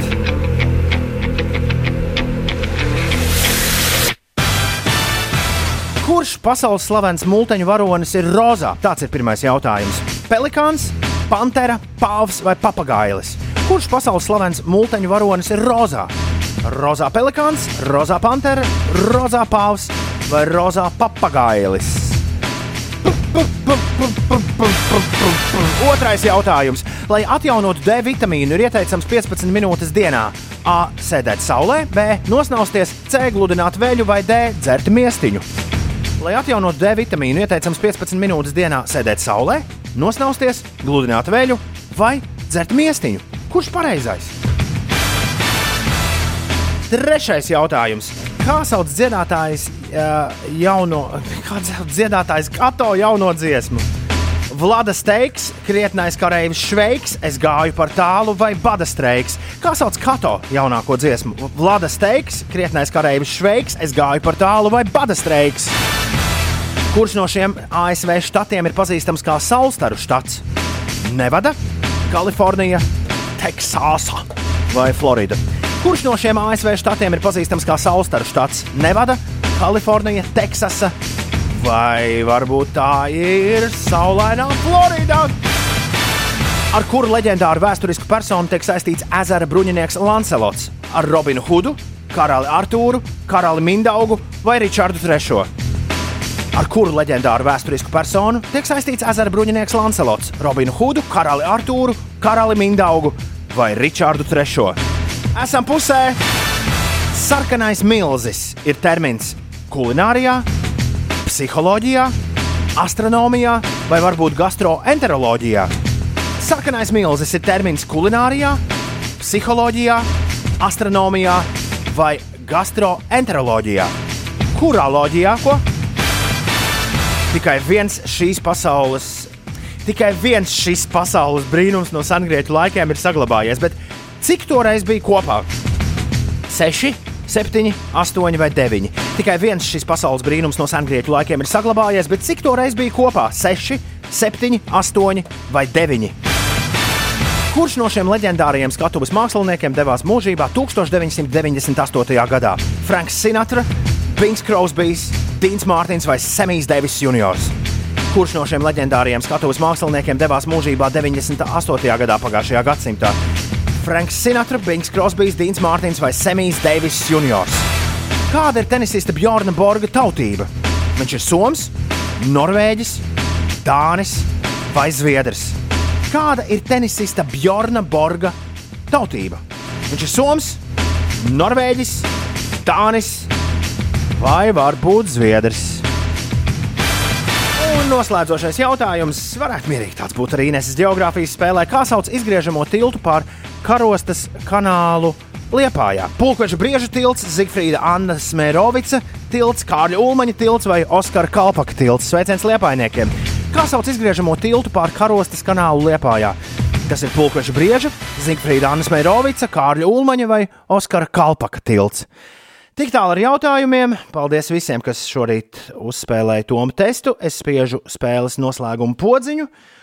Un sakopošu un apkopošu rezultātus jau visai drīz. Kā jums gāja, Ines un Ulu? Esat priecīgi? Esat, Es uh, esmu gandarīti? dusmīgs. Man liekas, beidzot bija diezgan pagrūti jautājumi, vai ne? Nē, es izdarīju to, ko. uz kuriem vajadzēja nu, uz dullo vienkārši spiest. Es izdarīju to, ka nospiedu atbildi, neizlasot vispār visas pārējās atbildes. Mm. Es ar tā izdarīju vienā jautājumā. Interesanti, interesanti. Ines, kā tevi sauc uh, Tom testā šorīt? Uh, jā, kāds bija tavs pseidonīms? Augstā zupa. Zupiņa mums, es naudu neatrodu. Kāpēc man neatrodu? Ulu, kā tevi sauc? Bobs Diļāns. Bobs, tu biji Bobs Diļāns, gan mums ir 23. vietā. Bet augstā zupa man neparādās vispār. Kā tas var būt? Ā, Es tāpēc, ka, tāpēc, ka te ir jaunums, ir jānospiež view full report. Jēzus. Mm. Nu, re, es esmu atbildējusi uz pieciem man vairs, jautājumiem. bet tad man vairs nerāda tavu vietu, ja es tā izdaru. Man rāda 194. Jā, pie tā tad arī rezultāts. paliksim. Mm, Bet uh, Bobam gan bija bijis labāk. Jā, bet es esmu pikts par to vienu jautājumu, ko vajadzēja zināt, un otru, ko varēja uzminēt. Bet, nu, Pirmo reizi Tom testā noticis kaut kas ļoti, ļoti interesants. Trīs cilvēki ir atbildējuši uz visiem desmit jautājumiem pareizi, bet viens no viņiem nav ticis top trīniekā. Viens, kurš ir atbildējis uz deviņiem, ir ieskrējis trīniekā virs tā, kurš ir atbildējis uz desmit jautājumiem. Jo ātrums arī skaitās. Tā tur, tur tā kvizis vieta, kuru es lietoju, tā viņi tos punktus skaita. Nu, lūk, es apsveicu MT, Mārtiņu, Tenisonu un Helvītu. Jā, viņus visus trīs viņi ir dabūjuši pirmos trīs vietas. MT ir pirmajā, Mārtiņš ir otrais un uh, Helvīts ir mm, trešais. Un Austris jā, ir palicis ceturtais, kaut viņš atbildēja arī uz visiem desmit jautājumiem pareizi. Austrija nākamreiz ir ātrāk jāspēlē tom tests un nekāda googlēšana un šmaukšanās. Sapratīja? Tā, kurš pasaules slavens multiņu varonis ir Rozainis? Pantēra. Nu, tā loģiski. Lai atjaunotu D vitamīnu, Ulu, ko tu 15 minūtes dienā darīsi? Sēžu saulē, bet man ļoti patika klausītāja atbild. Saulē izgludinātās drēbēs dzert miestiņu ik pēc 15 Ik minūtēm. pēc 15 minūtēm. Kā sauc dziedātājs jauno kato dziesmu? Tā es biju uzrakstījis jautājumu. Es godu vārds viņu izlaboju, bet viņš dažreiz tos labojumus neņem vērā. Kā sauc dziedātājs jauno kato dziesmu? Ko? Bada streiks. Kāda streiks?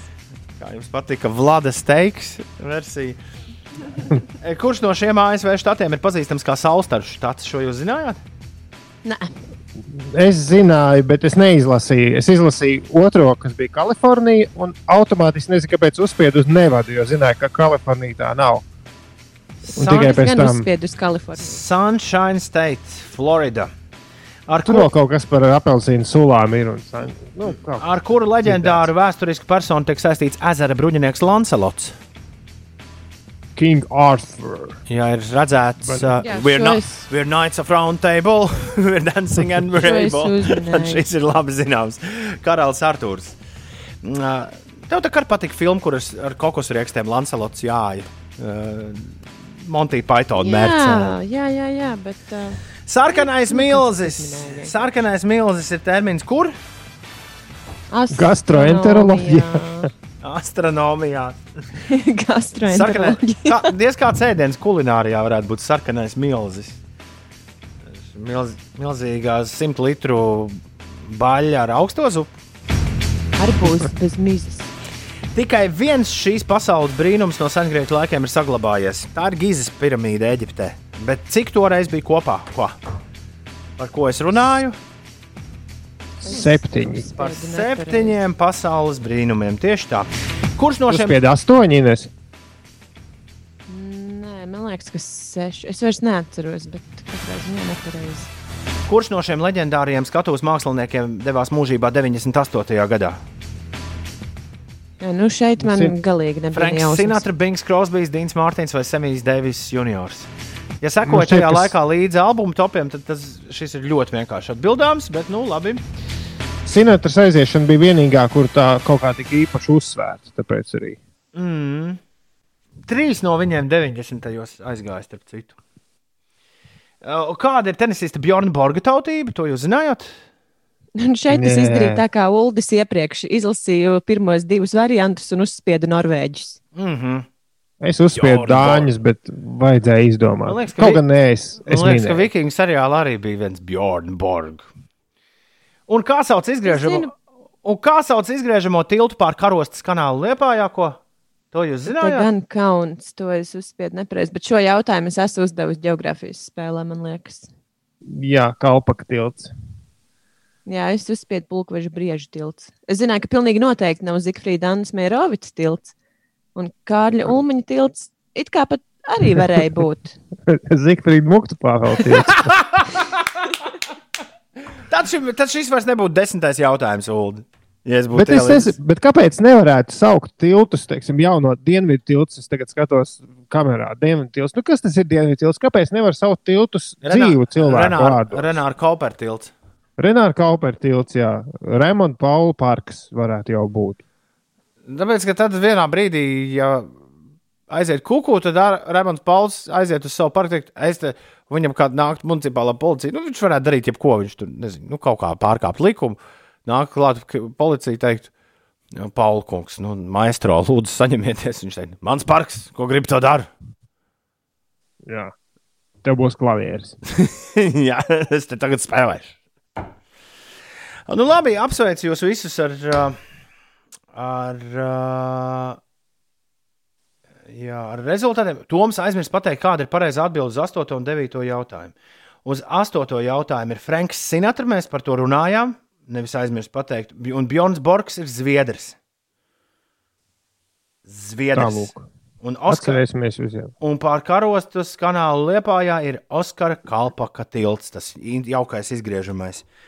Pagājušā vasarā viņš bija, starp citu, ciet remontā, bet tagad viss ar viņu ir kārtībā. Vēl pavisam nesen pāri viņam braucu. Ir 8,44. Nākamais Toma tests pēc nedēļas, bet tagad Ines stāsta, kas notiek. Laikapstākļiem gaidāmajās eh, brīvdienās un nākamnedēļ. Nedēļas nogalē gaisa temperatūra Latvijā nedaudz paaugstināsies, bet no pirmdienas gaidāms augsts laiks. Sestdien būs mainīgs mākoņu daudzums, svētdien laiks kļūs saulaināks, nav gaidāmi būtiski nokrišņu gaisa temperatūra plus 16, plus 21 grāds, bet jau pirmdien augstajai atmosfēras frontei šķērsojot valsti, spēcīgi līs un gaisa temperatūra nākamnedēļ naktīs pazemināsies līdz plus 3 mīnus 4 grādiem. Mazliet siltāks būs vietām piekrastē, un dienās temperatūra saglabāsies zem plus 15 grādu atzīmes. Dažbrīd gaidāms arī lietus, iespējams pat sniegs un krusta un stiprs vējš, bet bieži spīdēšot arī eh, saule. Sagaidāms, ka no nākamās nedēļas nogales pakāpeniski kļūs eh, siltāks. Tātad nevis no šīs nedēļas nogales, bet no nākamās nedēļas nogales. Par situāciju uz autoceļiem tur, kur ir jaunolaine uz eh, A8 autoceļa aizvien 10 minūšu kavēšanās. Rīgā iebraukšana jūrmalā. Tur ir jārēķinās ar aptuveni 6 minūšu kavēšanos. Uz A7 posmā baložu pagrieziens Bauskas iela jāpierēķina ceļam klāt 3 minūtes. Līdzīga situācija arī Biķernieku ielā, bet citās ierastajās sastrēguma vietās 2 līdz 3 minūtes ceļam klāt.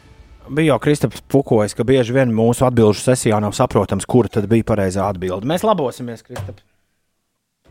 Mēs labosimies un Jā, mēs tādā sarunas formā mazliet tā. turpmāk es vienmēr nosaukšu atbildes, un tad vispirms, un tad uh, Ulrichs arī varēs komentēt, ja viņiem būs kas komentējams. Sarunāts Labi.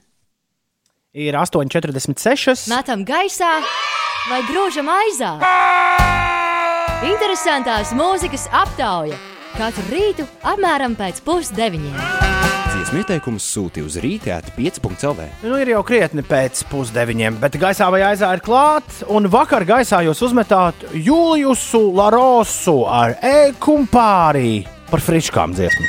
Ehi compare, ci posso suonare, chi si suona la trombona, ma come si suona la trombona? A fumma fumma la trombona, pa pa pa pa pa la trombetta, zinga zingu, violina, plinga plingu, mandolin, tu tu tu tu, u saxofone, u friscalette, tipiti tipiti ta. Ai, kā kādu frišku gribētos apēst.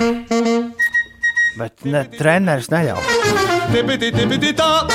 Jūlus Larosa, ekumpāre vai čumpāri.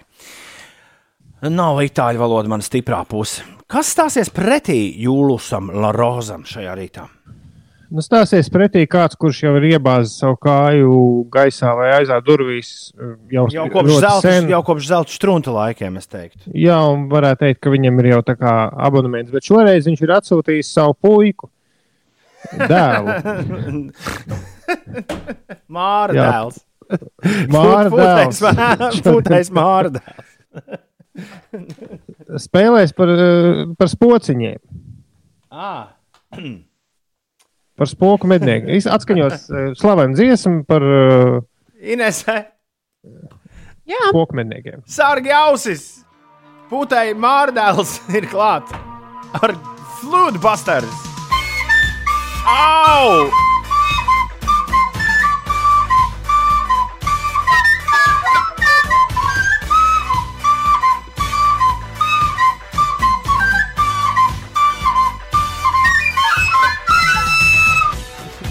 Tēvs jau bija traks, bet šito ir grūti fizioloģiski izturēt. kā tu domā, vai viņam pašam liekas, ka viņam sanāk? Kāda runa? Kāda runa? Šitā Ines arī tev sanāk pēc desmit minūšu treniņa. Auč! Ai! Es nezinu, kā jūs, bet man šīs spēlēs skaņas vispār galīgi nost. Es iedomājos, ja kāds vakar ir balītē pats ar sevi bijis vai ar saviem, uh, saviem māju dzīvokļu iedzīvotājiem kopā. Ja šodien gribas kaut ko skābt, tad es domāju, kas lietas! Au!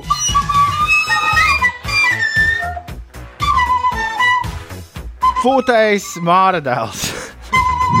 Flūda pastērs. Jo, Haidī. Šis ir sāpīgi. Gaisā vai aizā? Interesantās mūzikas aptauja. Elču un pārē, friškaleta un pretī eh, šim eh, stājas. Pūtējs Mārdēls ar savu versiju par slavenajiem Ghostbusters 293, 1202, laiks žūrijas komisijai teikt savu vārdu. Halo, kas mums zvana? Labrīt, Dzī. Čau, Dzīvi. Dzīvi, tu izklausies diezgan dusmīgs. Nē, viss kārtībā, Ā, tā- ir normāli. Tad labi, ko nedēļas nogalē darīs? Mm, kaut kādas dārza darbus, nezinu, pļaušu zāli. Kaut ko varbūt iestādīšu. Pareizi, lai tik aug, vai ne? Tam labam būs Jā, augt. precīzi. Tam labam Jā. būs augt. Ko tu meti gaisā šodien? Uh, šis uh, trānkātais, kas tos trānkātos spokus vajag labais. Jā. Patīk. To, met, Jā, to, metam, to metam augšā. Jā, lai cik griež tā savs. Džīziņa. Ā! Au! Au!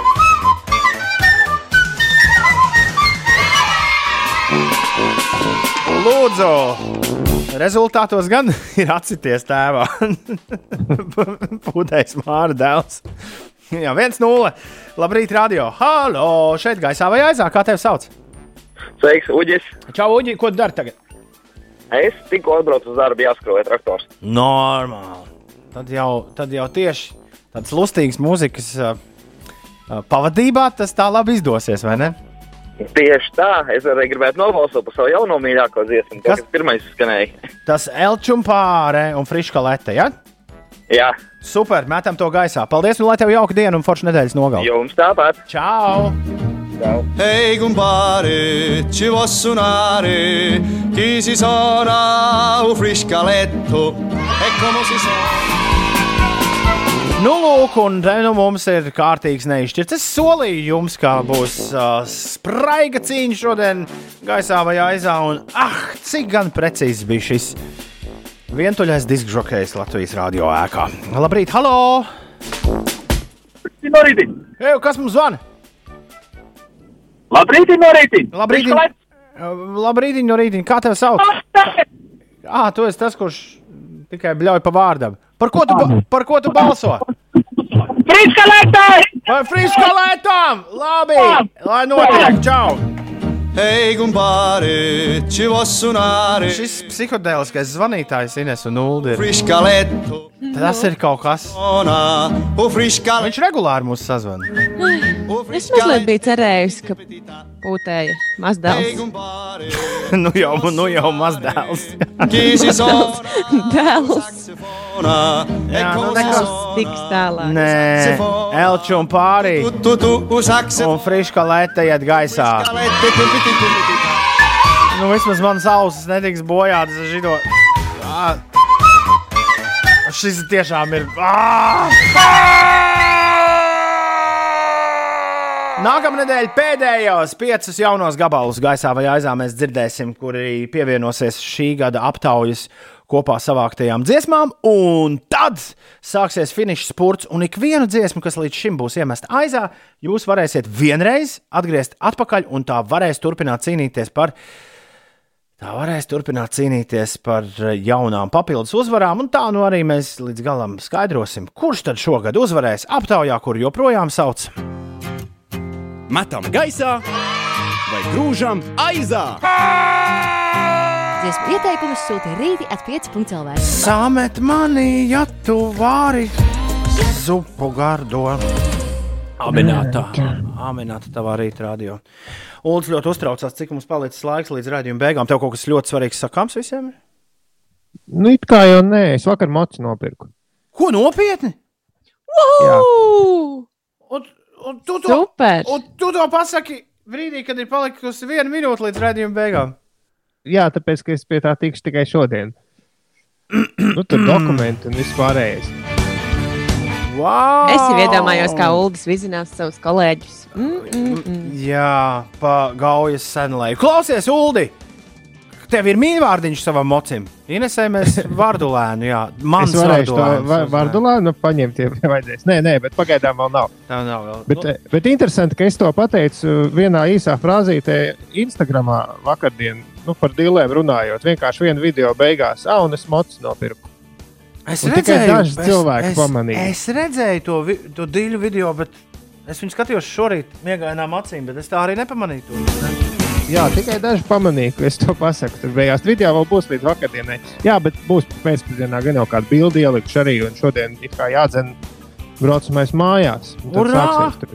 Kur tu viņu turēsi? Forši. Pagaidām pagalmā, tad jau redzēs. Super! Apsveicu! Vairāk pirmdien. Lai forša nedēļas nogāle, ļoti labs tiltiņš uz pirmdienas raidījumu. Pirmdien mēs būsim atpakaļ starp 6 un 9. Visu labu! Atā! Atā!